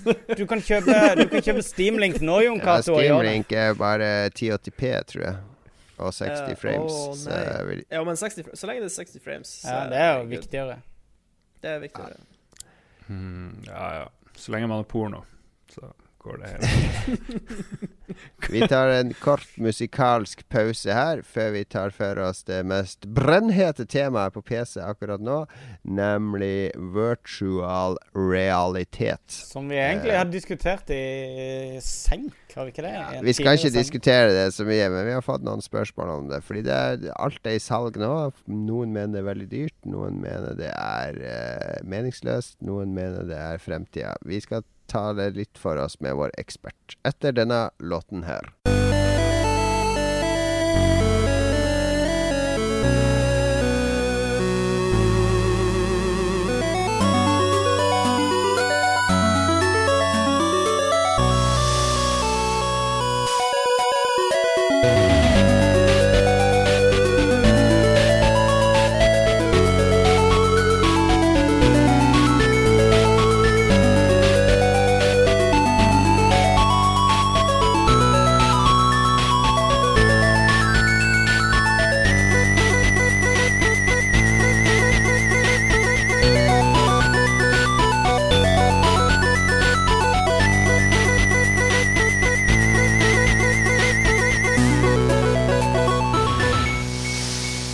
PC Master Race in your face, nå også med suveren VR.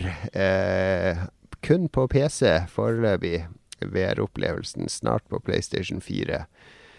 Er VR framtida? Bla, bla, bla. Vi har diskutert det før. Vi orker ikke å ta den lange diskusjonen. Og vi trenger ikke å snakke om Jeg trenger ikke å messe om hvor bra Vive er. Eh, Magnus trenger ikke å messe om hvor skeptisk han er, og vi trenger ikke å ta for oss uh, superskeptikeren, vår sjef Jostein eh, Hakestad, som må ut på Twitter annenhver dag og fortelle hvor skeptisk han er til VR. Uh, drit i VR. Hvis du ikke er interessert, så er du ikke interessert. Men VR kommer. uh, det gjør det, og ingen kan stoppe det. Det selger uh, Hva var det, 9000 Det var en del Vive-enheter som var solgt allerede. Det var jo 100 000 på 10 nitt- minutter, Ja. eller noe sånt. 150 000. 100 000. Et eller annet. Masse. Ja, Masse, masse. det er bra. Eh, ja, vi må søke. La oss ta en liten um, En liten sjekk her, folkens. Hvem klarer å finne svaret først?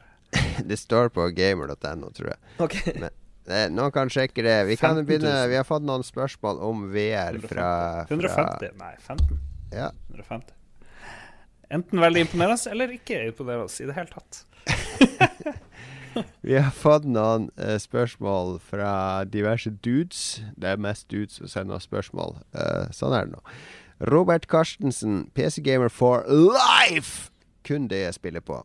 Er en såkalt eh, entusiast som oppgraderer ganske ofte. Kanskje for ofte, men det er en hobby, og noe skal man bruke penger på. Uttrykksikonet wing. Helt enig. Skulle ikke la meg lure av første generasjon VR-hype-toget, men nå sitter jeg og ser på forhåndskjøp siden til Oculus hver dag.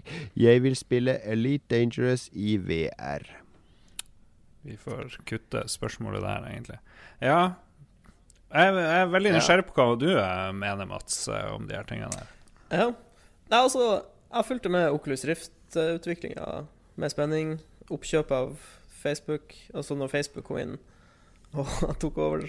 Og eh, HTC sin Viv-greier. Eh, og jeg syns Altså, jeg liker konseptet VR, men jeg vet ikke. Eh,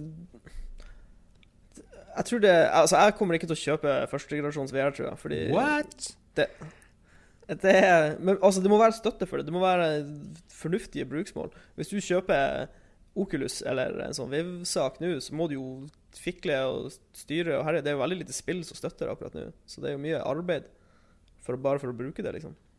Mm. Og det, Men er ikke det en del av det å være PC-spiller, å være den pioner? Ja. Den som er helt i fronten av alt. Du skal Det du har i stua di, det er det de altså, PlayStation-spillerne altså, kan leke med om to år. Altså, PC-sfæren er jo mye gnukking og gnikking og sånn, men Tenk, du kan putte sånn her thermal pasta på Oculusen. det er sikkert enorme muligheter. Kjøla ned. Nei, jeg vet ikke. Jeg, jeg, det føles som det er litt for tidlig for å gå inn i, i VR for min del. Eh, det er bare sånn perso mitt personlige syn. Men jeg, jeg, jeg ser på det hele fra avstand, eh, og så håper jeg at, eh, at, eh, det er, at det fortsetter å være litt blest rundt det, sånn at det blir skikkelig utvikling. Og Mm. at, det, at det blir en ting. For jeg tror det, jeg tror det kan fungere veldig bra til spill. Og eh, ja, gi en ekstra dimensjon, til, PC-spilling. For, for, for bare se for deg, altså, når jeg har spilt, og spilt Skyrim og, og Witcher og sånn, eh, så tenker man jo ofte faen, det har vært litt kult å, å spille det her eh, med et VR-headset, liksom, og fått levd seg skikkelig inn i det. Mm. Eh, veldig ofte. Men og, ja, det er en annen ting jeg bare vil nevne mens jeg har en sånn liten rant på gang. Eh, jeg tenker det med bruken av VR, det må jo være mest sånn singleplayer-scenario. Vet ikke. Tror ikke det er veldig forvirrende å bruke det i et multiplayer-spill. Jeg ser for meg at det blir litt for hektisk, kanskje. Det blir jo veldig morsomt for alle andre som kan stå naken og vise frem ballene rundt trynet på de som sitter med sånn VR, i hvert fall. Det tror jeg er Ja. sosialt. Ja, nei, men jeg vet ikke. Ja, men Poenget må jo være at du skal ha multiplayer og møte andre i VR-sfæren. og I- i The Matrix. Cybersex og jeg vet ikke, alt mulig. Sword Art Online. Ja. Det går jo fint det med multiplayer, men jeg, eh, jeg sto og diskuterte VR med uh, Ragnar Tørnquist og en, i, en journalist her for ikke så lenge siden. Da kom jeg på den geniale ideen. Altså, det er jo ikke, det er ikke spill som skal selge VR. Det, det har jeg sagt lenge. Det er sånn Hvis, hvis NRK hiver seg på VR-bølgen nå når det er de telefonene. De kan sette opp sånne her, eh, 20 kamera langs eh, 17. mai på 17. mai-steder rundt om i Norge. Så kan du ta på deg VR-headsetet ditt og så stå og oppleve live på alle de stedene. Kan du stå på de stedene kameraene er, og se deg rundt, se på toget gå forbi, høre lydene av folk, se alt som skjer. Du kan hoppe mellom Tromsø-toget og Oslo-toget og Trondheimstoget og være der. Men, men eh, altså, det er jo early adopters, som de heter, de første som kjøper ny teknologi. Det er jo de du må lage underholdning for, for å, for å få de inn i loopen. Ja, da. men nå alle som kjøper den nye Samsung-telefonen, får VR-headset med. Ja, men Ja, OK. Ja, hvis, du, hvis, hvis vi er der, da. Ja. Med de store jo, men det er det som skal selge. Hør nå hva jeg sier, det er Ja. det som skal selge inn VR til folket. Sånn, ja. Det er ikke Team alle, alle Fortress får det i i VR eller Skyrim Nei, i VR. jeg er enig i det. Og jeg tror det, er det, det er det som alle kan bruke. Altså Aftenposten har allerede VR-videoer ute på sida si, som de har laga for folk som har de pappgreiene og kobler til telefonen. Det er sikkert maks 100 stykk som har sett de to videoene de har laga. Men det er, jeg syns det er kult at de er tidlig ute. Men hvis de gjør noe sånn med et stort event, sånn som med Hurtigruta minutt for minutt med VR-kamera på, så du kan stå på dekk og faktisk se deg rundt i real time.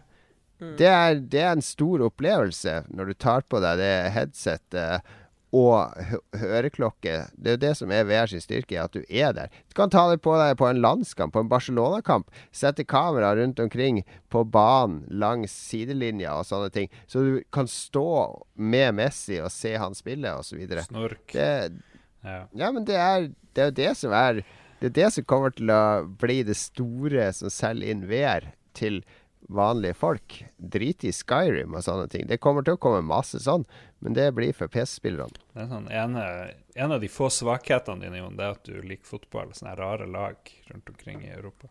Aldri skjønt. Ja, bare det rare laget Barcelona. syns det Småbyen Barcelona. Med fotball så tror jeg nok at den denne hologramløsninga som ble lufta allerede for eh, Var det Japan-VM? Jeg tok jo VM, eller hva det var. eh, I 2020. Kanskje jeg snakker ut av ræva nå. Uh, men det var i hvert fall rundt da. Uh, det var snakk om uh, Men da, da ble Allerede for noen år siden så ble det lufta muligheten for å kunne Altså ideen med å selge na, Selge til arenaer over hele verden, da. Først og fremst nasjonale arenaer, som Ullevål her. Um, at de da har et sånn hologramoppsett som gjør at de kan vise kampen live for, eh, for en, eh, en oppfylt eh, Ullevål. Så kan de vise eh, altså VM-finalen, der, Mm. du ser, der du ser fotballspilleren løpe rundt på, fysisk på banen. Eller du må ha baner som har akkurat de riktige målene og sånne ting, selvfølgelig. Men, uh, men det er teknologi som er helt innafor sånn, eh, Det er helt innafor realistisk å, å få til i dag. Å overføre kamper via hologram. Så jeg, jeg håper i hvert fall at sånne sånn konserter og, og sånne liveopplevelser kan bli eh, spredd for en ekstremt billig penge med hologrammer i, fort, i fremtida.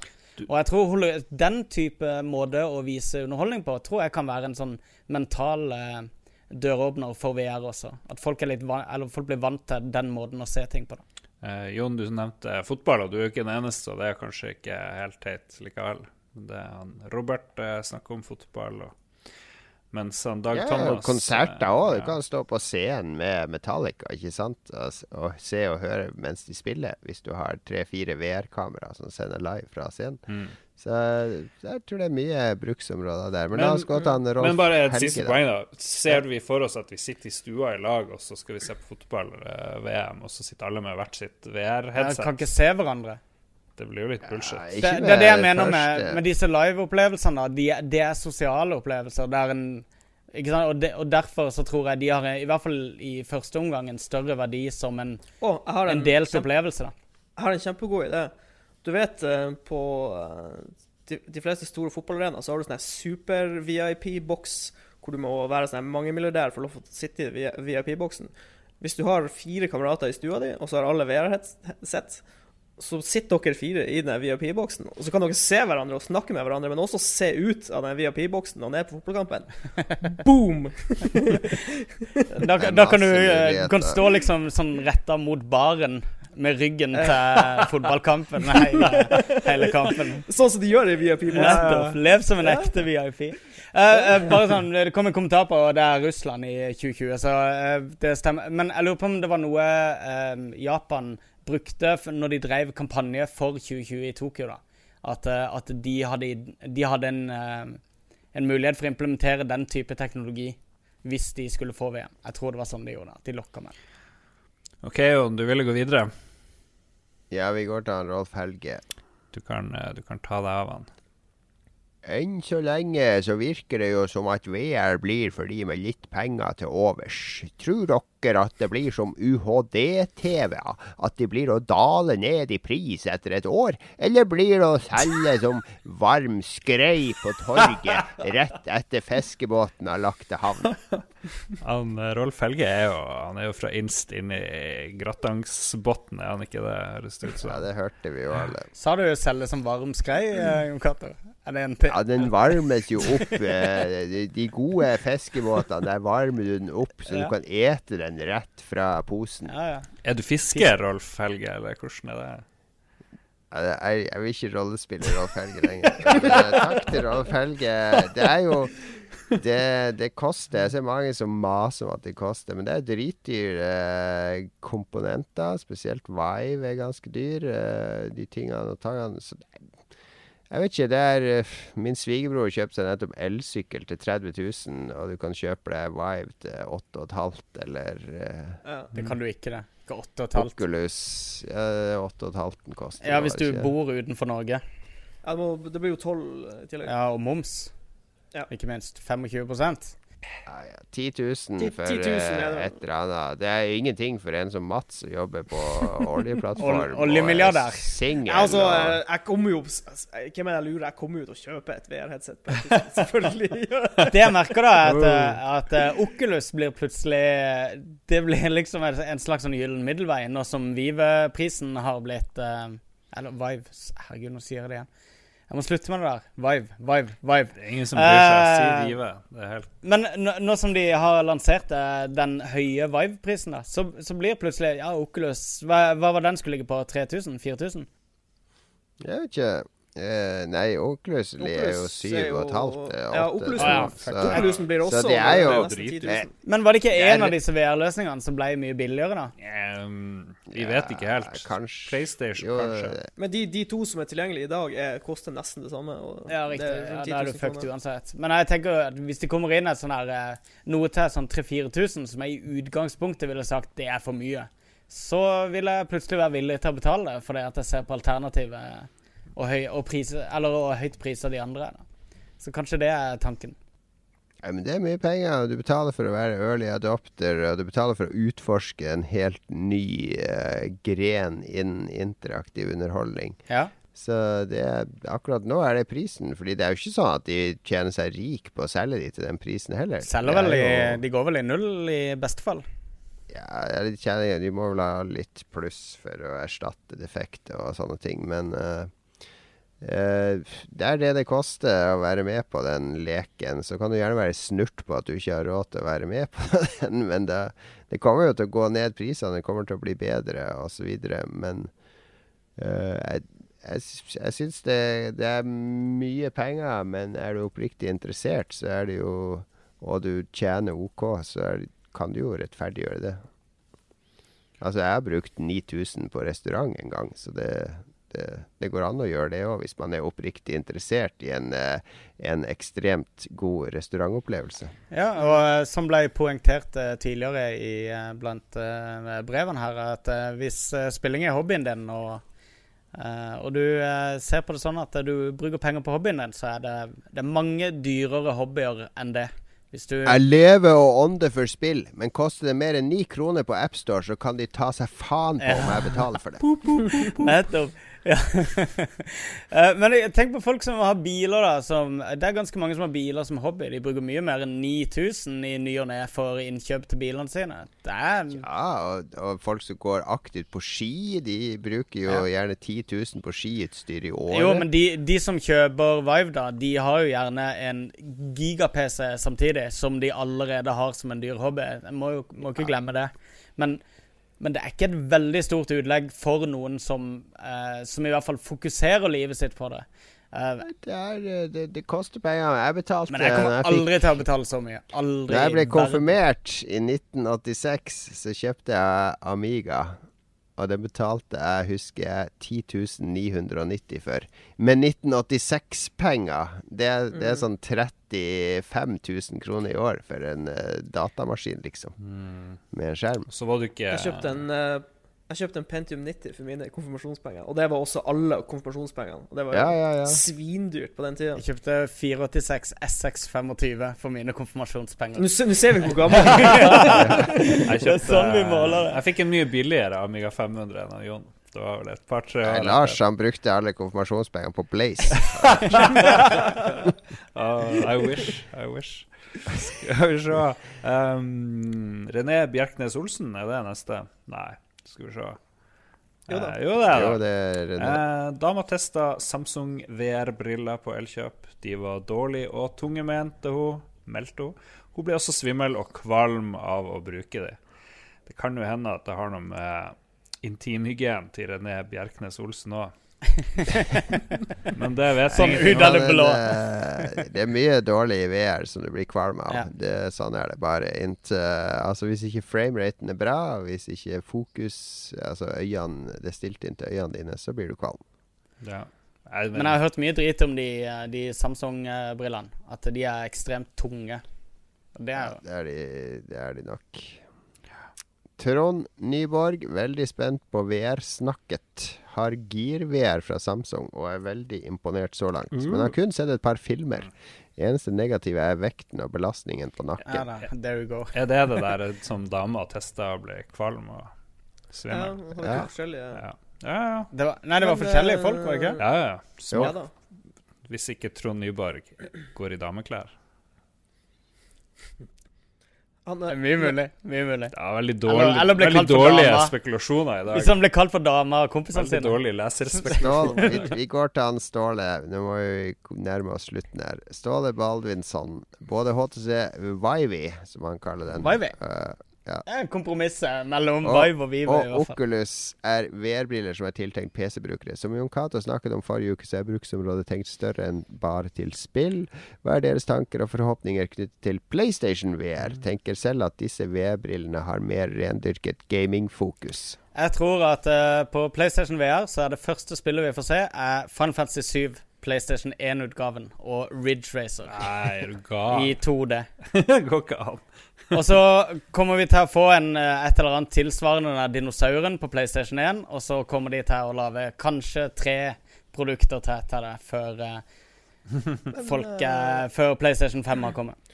Sånn apropos VR på konsollen. Mm. Og Jon Cato snakker om framerate er viktig. Vil ikke det være et kjempestort problem på konsoller? De, de kommer til å kjøre en egen maskin for det. Men Sony har noe krav til det, da, hvis du skal lage VR-ting eh, eh, som eh, som du må fylle for at det skal bli godkjent eller sertifisert. Altså. For eh, du, du skal jo i prinsipp rendre to skjermer på Ja, men den har en sånn ekstra Men det- boks. og, og hvis eh, Det er noe ekstra hardware som må Ja. Ja, ok. så en ekstra sånn prosessor for det. ja. For å få det til å gå. Ja, ok, ja. Jeg, tenker bare, jeg tenker bare på liksom Når vi ser på PlayStation 4-spillet som eksisterer nå, så Noen av dem klarer jo så vidt 30 FPS. Hvordan Ja, altså, jeg tror hvis du går og tror at Uncharted 4 skal komme i en perfekt PlayStation VR-opplevelse, så tror du feil. Men hvis du håper at eh, noe sånn iToy-lignende spill skal komme i perfekt VR-opplevelse, så, så har du mer rett. Altså, det blir Spillene må lages til VR, og de kan ikke være så grafisk tunge som tungvekterne. Du får ikke Witcher 3 på PS4 til å kjøre i VR. Det blir mye tech-demoer. Jeg gleder meg til sånn Ja, det blir mye lek og, og moro, tror jeg da. Men nå, er, jeg ja, nå skal jeg på sånn der business summit med Sony i Europa nå i morgen, så eh, da får jeg alle svarene. Men da må jeg ta livet av dere hvis, hvis, hvis jeg Du må ta livet av deg sjøl.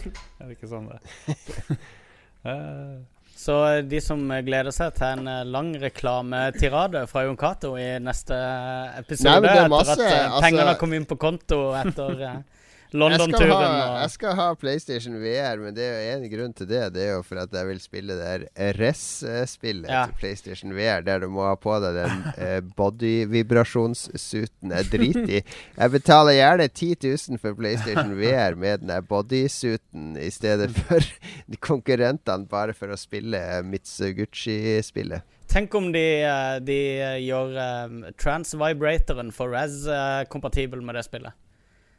Jeg har den. Jeg har den. Hva, hva du skal bruke den til? Har du ikke hørt om den suiten? Eh, nei. Ok, de har laga en sånn wetsuit som du skal skal ja. ha på deg, med, med 50 sånne vibratorer innebygd Ja. i den suiten. Men du vet hva du kan gjøre med trans-vibratoren, for den eh, drakta funker vel ikke på innsida, gjør den det jo? Ja, det, er det som er poenget, er jo at drakta skal vibrere mot huden din Ja. på forskjellige steder på kroppen, avhengig av hvor du er i spillet. da Hvordan, hvordan spill er det her? Eh, Ress er en psykedelisk reise Har vi en gjest som ikke vet hva Ress er? Herregud, jeg- vi Si ha det til. Mats. Mats er ikke Jeg jo, med. Da takker vi, takker vi for det. Finns det Takk til deg, Mats. Vi spiller litt musikk, og vi kommer tilbake til en Mats-fri sending etter denne låten.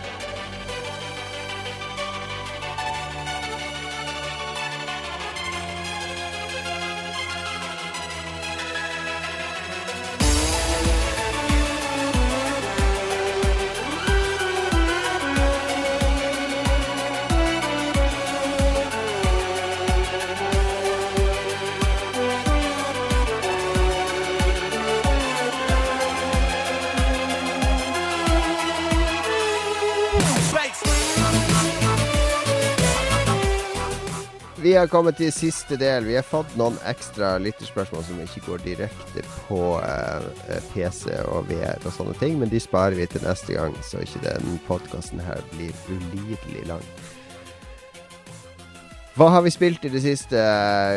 La oss ta for oss eh, et maks to spill hver. Ett spill pluss litt om ett spill til. Ikke mer enn det. Ok? Vi trenger ikke å ramse opp 20 spill vi har spilt i det siste. Ja, ja. Jeg bare prøver å holde litt fokus. Det er, det er ikke så gøy å høre om 30 spill i en sending. Du vil helst ha et par spill som vekker interesse. ok. Tenk om, tenk om vi skulle prate om spill i en spillpodkast. Det hadde vært Mm. eh, La oss prate mer om eh, hva du spiste til middag, Lars. Akkurat sånn her var det i 1936, sier jeg bare. For, Ja. Det var sånn det begynte. det var sånn Det var sånn det begynte. Hva har du spilt, Lars? Du har spist hest. Eh, Det nytter ikke å gråte over spist hest, men det nytter å gråte over spilt spill. Ja. Så hva har du spilt? Jeg har spilt den her uh, Her Story, som jeg har jo hørt litt om. Jeg Ja. vet ikke om dere har nevnt det. Jeg syns dere kanskje har nevnt det. Eller Jo, vi har snakket om det. Vi har om om Har det dere før. spilt det begge to? Uh, Ja. Alle har Ja. spilt det. Mats har også spilt Her Story. Jeg har ikke spilt gjennom det. Nei. Nei, det er sånn Er det 250 og noe videoklipp uh, som er satt i et slags eh, arkiv som du kan søke på for å finne ut av en sånn forsvinningsgåte. Så det er som å ha en sånn mini-YouTube, og så begynner spillet med at du er inne i en sånn her gammel datamaskin, og så det, står det 'murder' i søkefeltet, og så liksom søker du, og så kommer det opp noen video med ei dame, og så viser det seg at det er bare video av en dame som prater om en sånn her fyr som er forsvunnet. Så må du liksom notere ned stikkord og prøve å løse, løse gåten sjøl. Alle videoer er, er stikkordtagga. Mm. Det er jo det som er greia. Så det er bare en sånn arkivsimulator. Ja. Men det var jo Ja. utrolig morsomt å spille det. Jeg Veldig kul måte å fortelle en historie på. Funka dritbra på iPad. Kosta 50 kroner eller et eller annet. Det var ikke så, var ikke så veldig dyrt. Sikkert billig på PC òg, tipper jeg. Mm. Eh, Ja, jeg skal notere det. Jeg drev og lurte lenge på er det noe ordentlig slutt her, liksom. For jeg følte at jeg sto i stampe av og til og hadde litt sånn her Var litt lei av å søke, kanskje. Følte at det ble mye Man må ha en sånn a beautiful mind og henge opp korktavler og drive og trekke hyssing mellom ulike folk og sånn her hvis du skal få full oversikt. Men det er jo faktisk sånn. Ja, ja. Så, men så kom jeg meg nå til en slags slutt på spillet. Så det fins en, en ordentlig slutt der, da. Så det nei, anbefales. Ja, kjapt spill, noen timer sikkert. Og veldig, veldig unikt. Den der eh, Den der eh, sangen Jeg fant en sånn sang å drive og synge og der dama Ja. spiller. Den er The Wind and Rain, eller hva den heter. Den eh, gikk meg rett i hjernen. Litt sånn der creepy, creepy tekst. Så det har jeg spilt. Jeg vet ikke, har jeg skrevet noe annet? Eh, Ja, du har skrevet Far Cry Primal. jeg har prøvd, prøvd litt. Det er det jeg òg har spilt. Primal. Ja, men da kan du Jeg ta liker det. bedre eh, det der eh, Far Cry Limal. Ja. ja, men da Far kan Cry eh, Limal er The Never Ending Ja, Game det er Story. uendelig, uendelig spill. Ja. Da kan han Magnus Uendelig å... historie, det i hvert fall. få lov å prate Det- om det. Fortell oss om Far Cry Jeg har ikke spilt det så mye. Um, Uh, jo, Far Cry Primal. Jeg hoppa jo over Far Cry 4. Jeg syns uh, var, var ikke det det forrige? Far Cry 4? Opp, Jo, opp i var, du Tibet. gikk, gikk ikke glipp av noe stort. Nei, jeg hadde inntrykk av det. Og jeg syns Far Cry 3 også Altså, jeg har et sånn lite eh, problem med disse her eh, veldig åpen verden-FPS-ene. Jeg, jeg blir veldig raskt lei av dem. Eller FPS, eller Open World generelt, da. Og, eh, men, men Far Cry eh, Primal har jeg liksom Derfor har jeg vært ganske uinteressert i det. Det var først når jeg så en trailer bare for noen uker siden, og at bare Holy shit, det er jo Det er jo sjamanvinkling på det, og eh, satt til steinalderen, og ingen skytevåpen, og veldig sånn her back to basics, da. Og jeg må bare først si at det er kanskje det peneste spillet som er app på Xbox akkurat nå. Sånn rent sånn real, av de realistiske grafikkspillene. Det, det er helt eksepsjonell grafikk i spillet, og det gir en, en ganske eh, overbevisende naturopplevelse å løpe rundt der i, eh, i eh, steinaldernaturen og Mye dyr. Eh, mye, mye dyr der. Ja, det og si. det er greia. Du får virkelig føle på huden den der noiaen det må ha vært å, være, å, å leve i steinalderen. Jeg mener, Vi går rundt liksom sånn Jo, jeg får ikke selvrealisert meg. Jeg vet ikke om jeg noensinne blir popstjerne. Ikke sant? Et eller annet sånn der piss. Ja. Mens de folka her, det er liksom sånn her Hvis du skal ned til bekken for å ha noe å drikke, så, så er det liksom 17 måter å dø på på veien ned.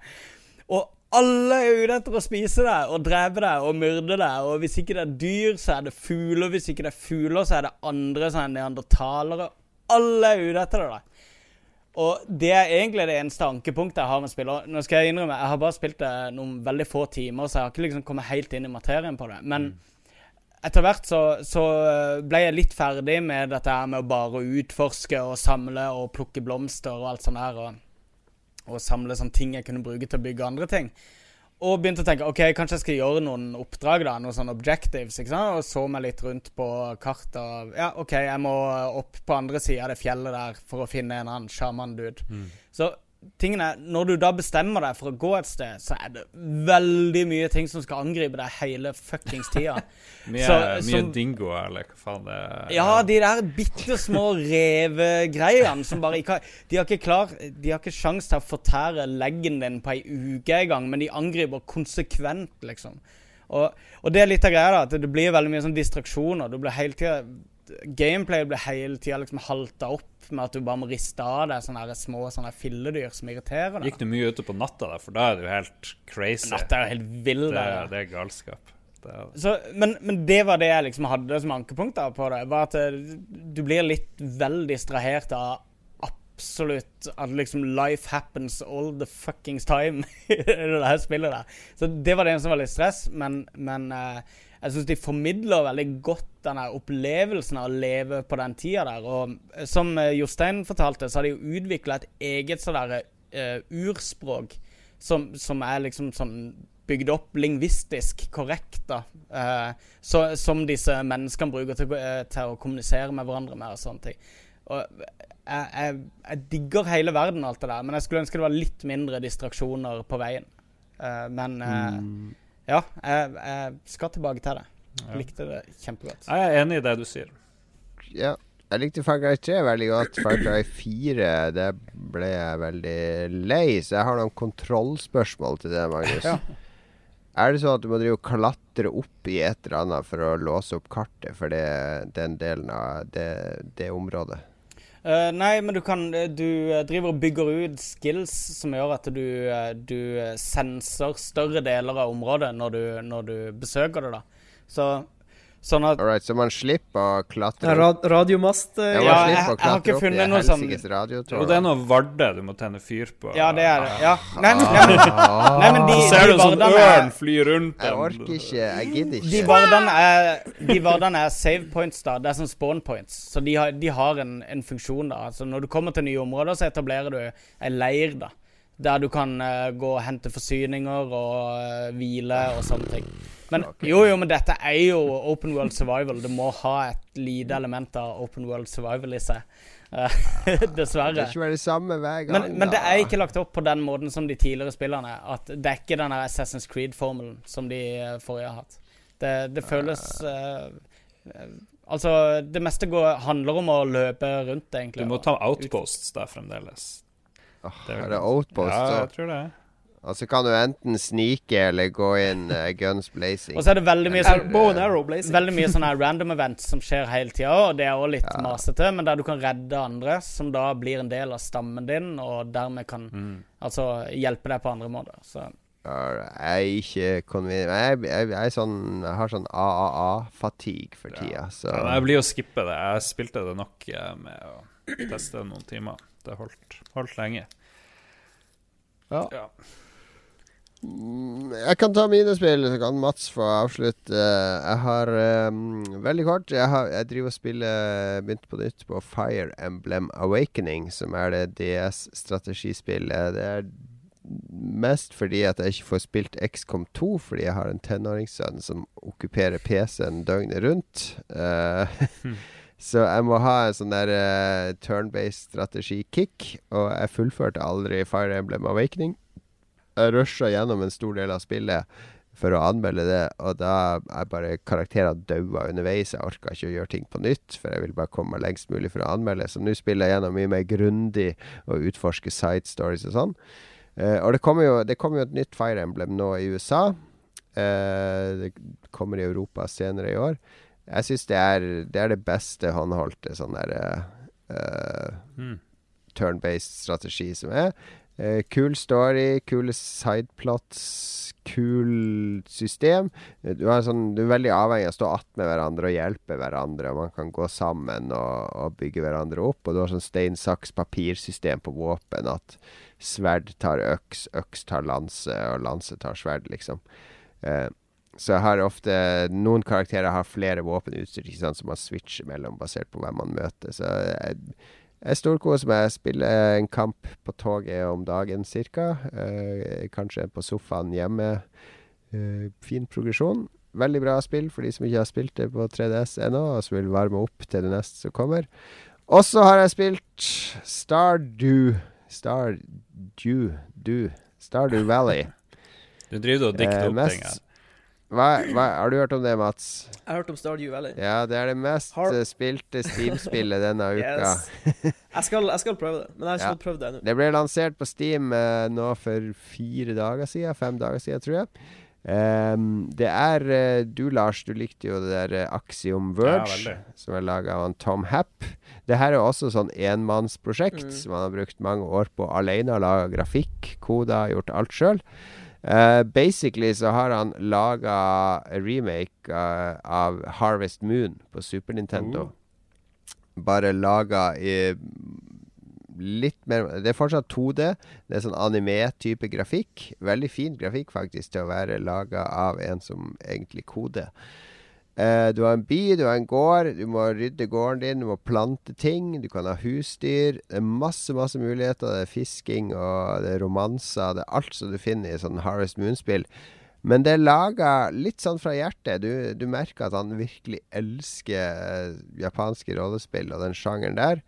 Eh, så det er en fryd å utforske den verden. Uh, og det er veldig sånn spill der du planter ting, du rydder litt, så blir du sliten, du må spise, og så må du gjerne har du en avtale, og så går jeg og legger meg i spillet, og så er det sånn én dag til. Det var sånn det var i går da jeg spilte. Jeg må bare se hva som skjer neste dag. Vanne de blomstene. Kanskje kommer det opp. eh, kanskje kan jeg høste. Og så skal jeg rydde den stammen der, og så får jeg snart nok ressurser til å bygge den tingen der. Eh, veldig bra balansert, sånn uh, byggemessig. Han har kanskje lånt litt fra sånn Minecraft og sånn craftingspill, for det er mye sånn materialer du trenger for å bygge ting som du ikke trengte i Ja, men ikke sånn uh, Ikke, ikke sånn blokkting, men noe problem med Harvest Moon var at du måtte bare komme til et visst sted i storyen for å låse opp et eller annet. Mens her er det sånn OK, du vil ha en kiste, da må du ha 30 wood. Så jeg, du kan liksom hogge trær og stuper og rydde ting for å for å ja, Du kan høste inn ting for å få råd til å bygge noe som utvider gården din. da En Så du snekkersimulator. Ja, du kan jobbe litt mer målretta, men det spillet oser sjarm. Det er så utrolig sjarmerende. Jeg blir glad av å spille det, glad av musikken. Så det er uh, Steam. Eh, Indie-spill på sitt beste. Enmannsprosjekt. Og det som var så kult med det spillet var at jeg aldri hørte om det før det kom. Um, det kom ut fra intet og lansert, ferdig, komplett. Uh, kommet to patcher etter det kom. Men det er sånn der uh, Det er så utrolig mye sånn early access-dill uh, på Steam, og også på konsoller etter hvert, at det blir sånn der uh, Eh, det, er, det, er, sånn Jeg har ikke lyst til å spille spill som ikke er ferdig, da. Det er bare meg, da. Men jeg har lyst til å ha en sånn komplett opplevelse når jeg skal spille det. Det er noen Early Access-spill jeg har spilt, sånn som Ark og et par andre, som er sånn OK, det er kult, jeg har brukt noen timer på det, bygd opp en karakter, bygd noen ting og sånne ting, men jeg føler likevel at om jeg logger på om en måned, så har det skjedd masse mer i spillet. Så, så jeg kan like godt vente til det er ferdig. Mens det her det bare kom ut fra intet. Ingen hype, ingen previews, ikke masse blest rundt det. Så bare plutselig så er det 100 000 om dagen som kjøper det. Og, ja. og, og det er det beste med, med Steam. Det der når du logger på, og så oppdager du Oi, det er et spill som alle snakker om. La oss teste det. Det koster 15 dollar. Mm. Og så finner du en gull. Gull ut fra intet. Ja, det er, jo, det er jo et godt eksempel på det motsatte av det vi snakka om tidligere. Dette, han har brukt fire år på å lage et spill, og så har han bare over natta bare slått, slått gjennom på Steam, liksom. Det er mm. kult. Det er kult. Ja, jeg syns det er helt eh, briljant. Og det er litt som No Man's Sky, som vi nevnte i pausen her. At det, det er så hypa at det kan ikke ja, innfri. Ja, ja, absolutt. På en måte. Men hadde No Man's Sky kommet over natta Se her, bare reis hvor du vil og utforsk alle disse dynamisk, prosedurelt genererte planeter. Så hadde folk vært i ekstase fordi de hadde blitt så glad for å bli overraska og tatt på senga. Sånn. Da eh, skal vi prøve å få den opplevelsen i Mountain Dew Country i stedet. Så det gleder vi oss til. Stardew Valley. Stardew Sjekk det ut på Steam. Med Xbox uh, One Elite-kontrolleren. You want me to play something? I'm not the world's greatest guitar player. Okay. Probably needs tuning. No. It's okay. How about a traditional ballad? Should be right up your street.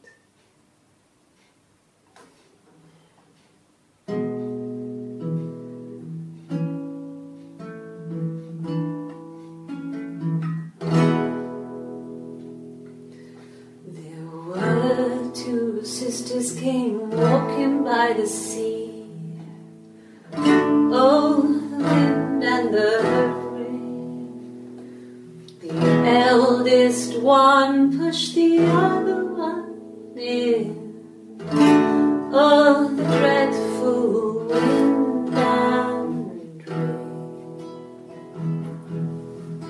So they both had a love for the captain's son of the wind and the rain.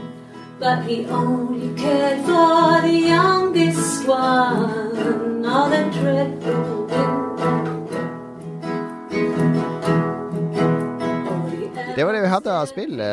Mats. Mats, du har spilt ja. uh, Kjør gjennom. Jeg har hatt en litt sånn singleplayer catch-up i eh, to uker nå. Så jeg har spilt, mm. gjennom, jeg har spilt gjennom tre spill. Eh, jeg skal snakke om to. Jeg har spilt gjennom Fallout 4, XCOM 2 og Witcher 3. Så jeg skal snakke om XCOM 2 og Witcher. da XCOM 2, uh, eh, helt sinnssykt kongestrategispill. Jeg spilte jo XCOM 1 nå, og da snakker jeg om remaken av 94 XCOM. Det er jo Firaxis som har blåst liv i, yeah. I XCOM igjen. Og det er, XCOM 2 er det, det er ligner på eneren, men det er såpass nyskapende at det er ekstremt behagelig å komme tilbake igjen til XCOM. Og så er det en, en, veldig solid story ved siden av det. Nå er det jo liksom litt på den andre sida. Uh, I stedet for å forsvare jorda, så er det på en måte litt, en litt sånn geriljestyrke som, som prøver å unngå å bli tatt av den store invasjonsstyrken. du er litt så opprørerne i Star Wars, følte jeg med. Det er liksom ja, du er, du er litt eh, sånn uh, Rebels. Du, det er litt sånn, men det er også litt sånn andre verdenskrigsvibber med The Underground og spioner og eh, romvesenene er liksom de store, skumle fascistene eh, som du skal prøve å eh, slå ned. Mm. Eh, men spillet er supersolid. Eh, gameplay er som ena, med nye klasser, nye våpen, nye gadgets, uh, nye abilities. Uh, toa er, vil jeg si For en, en, spiller som liker å ha sånn strategiske verktøy, så er toa snillere. Uh, jeg spilte toa på sånn Ironman. Uh, det betyr at du ikke kan scum-save. Du kan ikke lagre, feile Mm. og så gå tilbake til det lagra er punktet. Hvis du fucker opp Nettopp, det er én save. Hvis du fucker opp, så mister du squaden din. Da må du sende inn B-laget på neste mission. Og det, det elsker jeg. Jeg elsker å spille på Ironman. Uh, men XCOM 2 er uh, Det er snillere uh, den, for du har mer verktøy.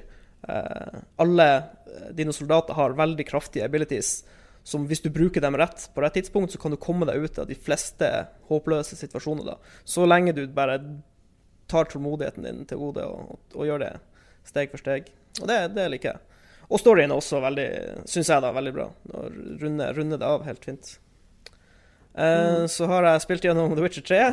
det tok eh, ganske Ja, lang tid. hvor, har du 100% da, eller? eh? Nei, jeg har, jeg har, jeg har spilt gjennom uh, main-storyen. Jeg har ikke gjort alle achievementene. Hvor lang tid tror du det tok? Uh, eh, det jeg har gjort Ja. til nå Jeg snakka jo med deg i går, Lars, og så sa jeg sånn Ja, jeg er sikkert ferdig med Witch- Witcher 3 når Ja. jeg skal eh, spille inn i morgen. Og jeg ble ferdig med det en halvtime før jeg lukka på Skype. For når jeg snakka med deg, Lars, så var jeg langt fra å være ferdig. Men jeg trodde, det, det føltes som jeg kom til å være ferdig. Altså, det føltes som spillet gikk mot slutten.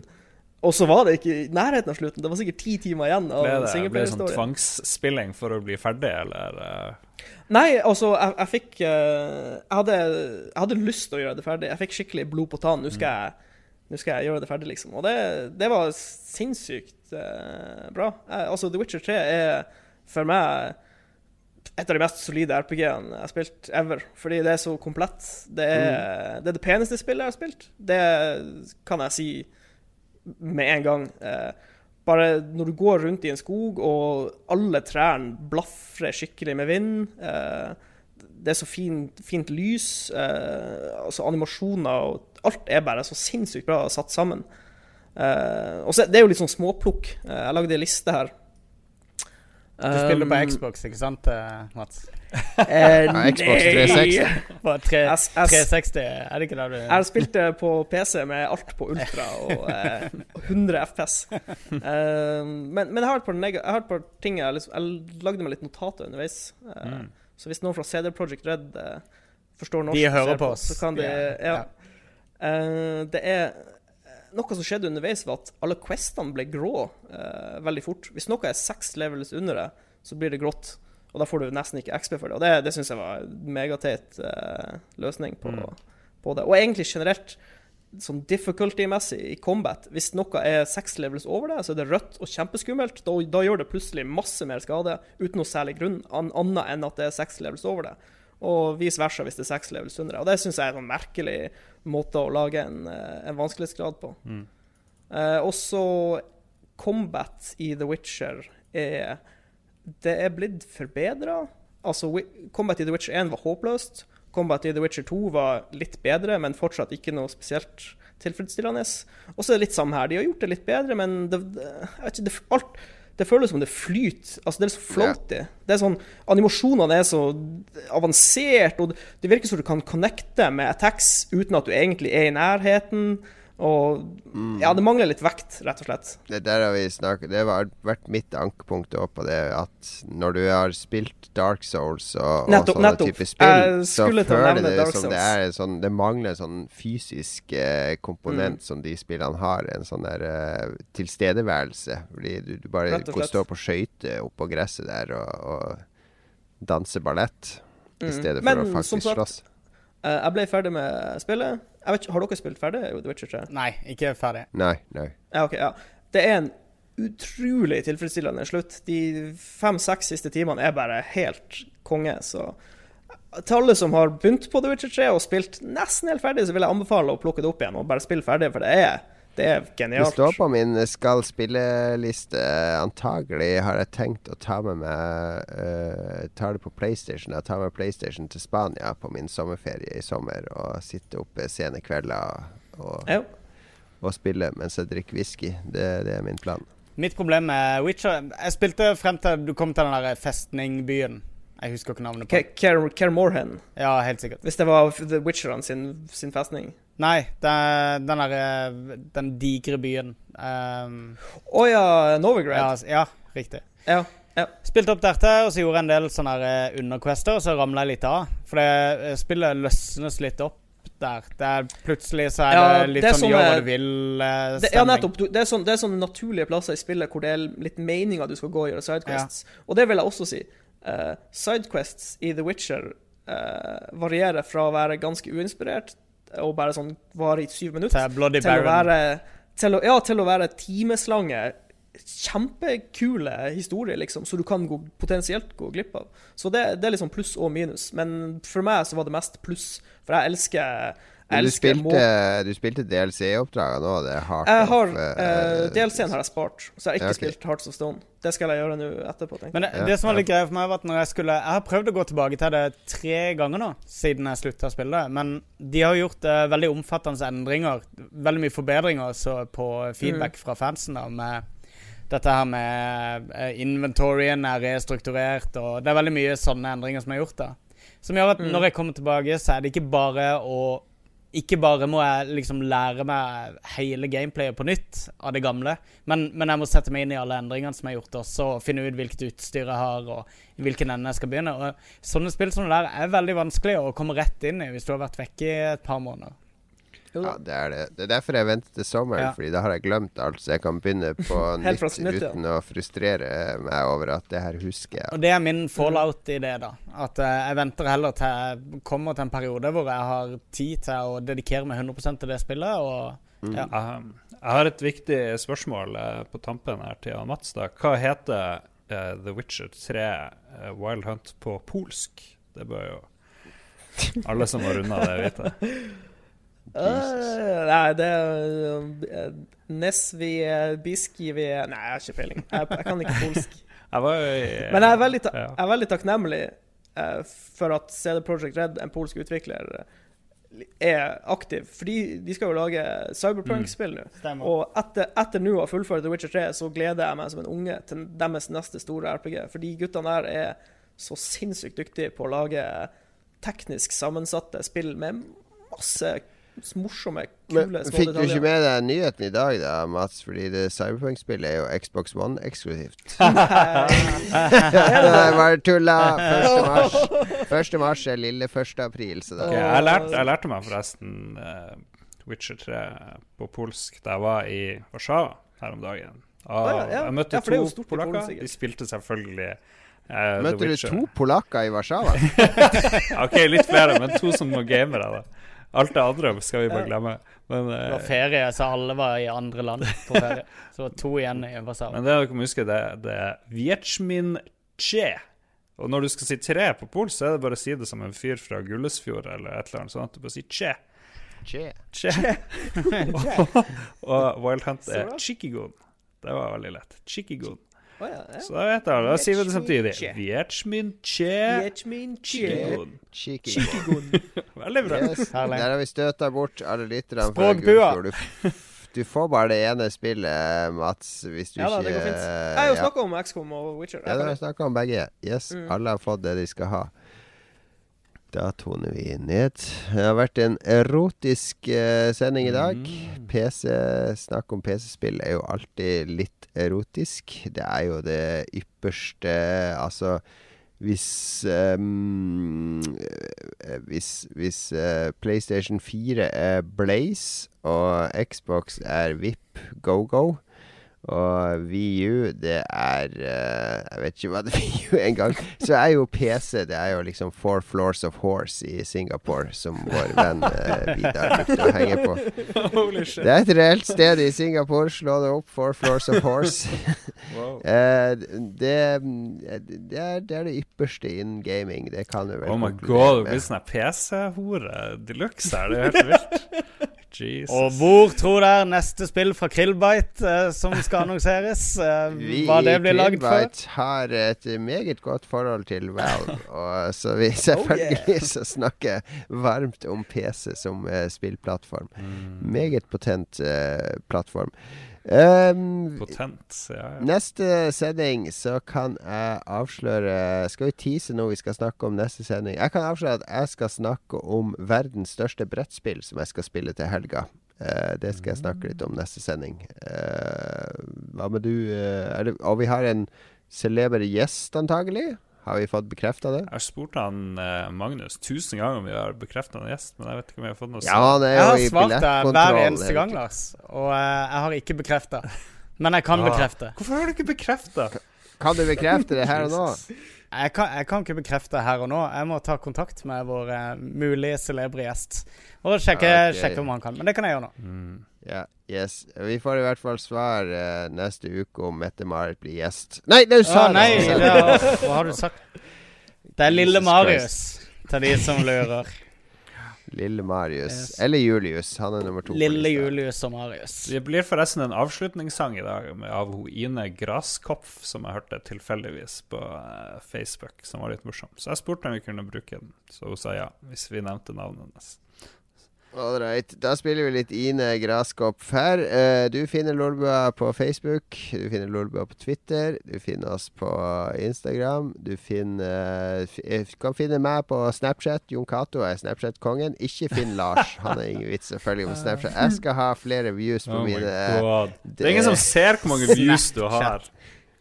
Jo, du kan se på hvor mange som følger din story, eller som Oh har sett storyinnleggene. Så jeg skal ha mer enn Lars. Ikke se på Ah. Lars sine, se på mine. Jon Cato sine. Den tristeste konkurransen. Jeg meldte har meldt meg ut. To 40-åringer som konkurrerer To er 40-åringer som, som krangler om Snapchat-views. Jeg kommer ikke på noe tristere. Jeg er, ganske trist. Men følg oss på Snapchat for det. Eh, hvis du er i nærheten av Bay, så stå utafor og rop 'Tellefsen!' Det er det beste Magnus vet. Pleier å komme ut. Uh, og skal du ut på oljeplattform, så spør jeg etter Mats. Han er Ja. av og til ute på plattform. Så kan dere spille uh, Magic FIFA. eller noe sånt. Ja, Fifa. Fifa med skottene. Et eller annet. Hvem er det som Oh yes, mot Slumbergerskottene. Sånn er det på sjøen. Takk for at du hørte på vår ekstremt lange PC-spillsending. Jeg aner ikke hva denne episoden her skal hete. Nå skal Lars sitte oppe hele natta og heie på Donald Drumpf.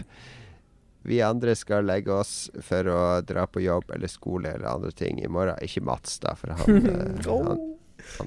han skal spille et eller annet. Hearts of Stone. Mm. Hearts of Stone skal han kaste Ja. seg inn i. Har, vi, har vi sagt at folk må gi oss stjerner og drit på På iTunes? Okay, hvis du ikke allerede har gjort det etter vår offensive kampanje, så gå inn på iTunes og gi oss stjerne. Stem oss opp der du kan, så, så vi blir enda større og vi kan eh, Jeg vet ikke hva målet vårt er til Målet er penisforstørrelse. Det trodde jeg vi var enige om. Det er ditt Du, mål. skal vi fortelle Yes. Var det noe museumquiz eller noe, Jon?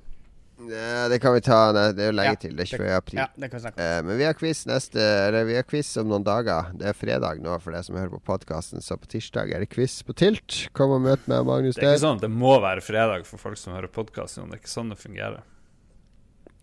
Ok, det er Glem det. Vi går ut av sendinga nå. Det er to timer og 22 minutter siden den Skype-samtalen her starta. Nå er jeg drittlei av fjesene deres. What?! Takk for denne gangen. Ha det bra. Ha det. I dag vil jeg gjerne synge en låt som jeg har skrevet sjøl, for eh, ti minutter siden. Super Nintendo is the shit. OK, let's go.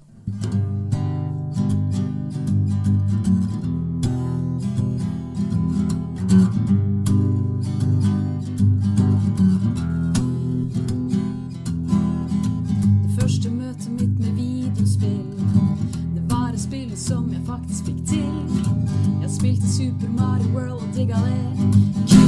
på Yoshi, hoppa opp og fram og ned, yeah. Så fikk jeg en 64 til jul. Alle hadde PlayStation, jeg var ikke like kul. Jeg spilte Banjo Kazooie og Tui. De andre spilte Metal Gear. What the fuck, why the hell?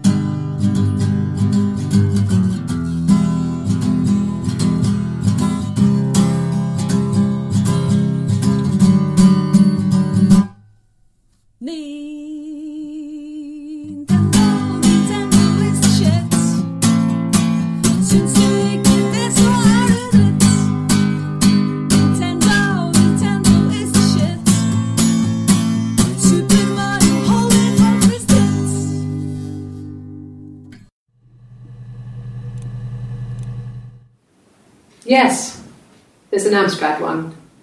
no one uses it for very much. There's a printer, so you can write letters on it.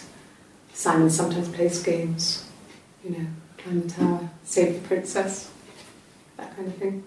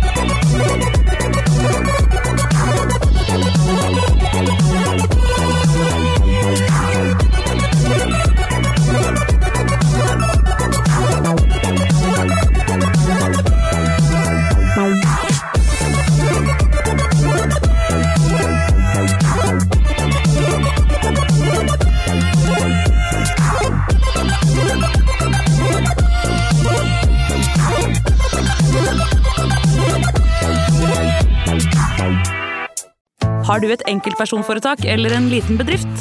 Da er du sikkert lei av å høre meg snakke om hvor enkelt det er med kvitteringer og bilag i fiken, så vi eh, gir oss her, vi. Fordi vi liker enkelt. Fiken superenkelt regnskap.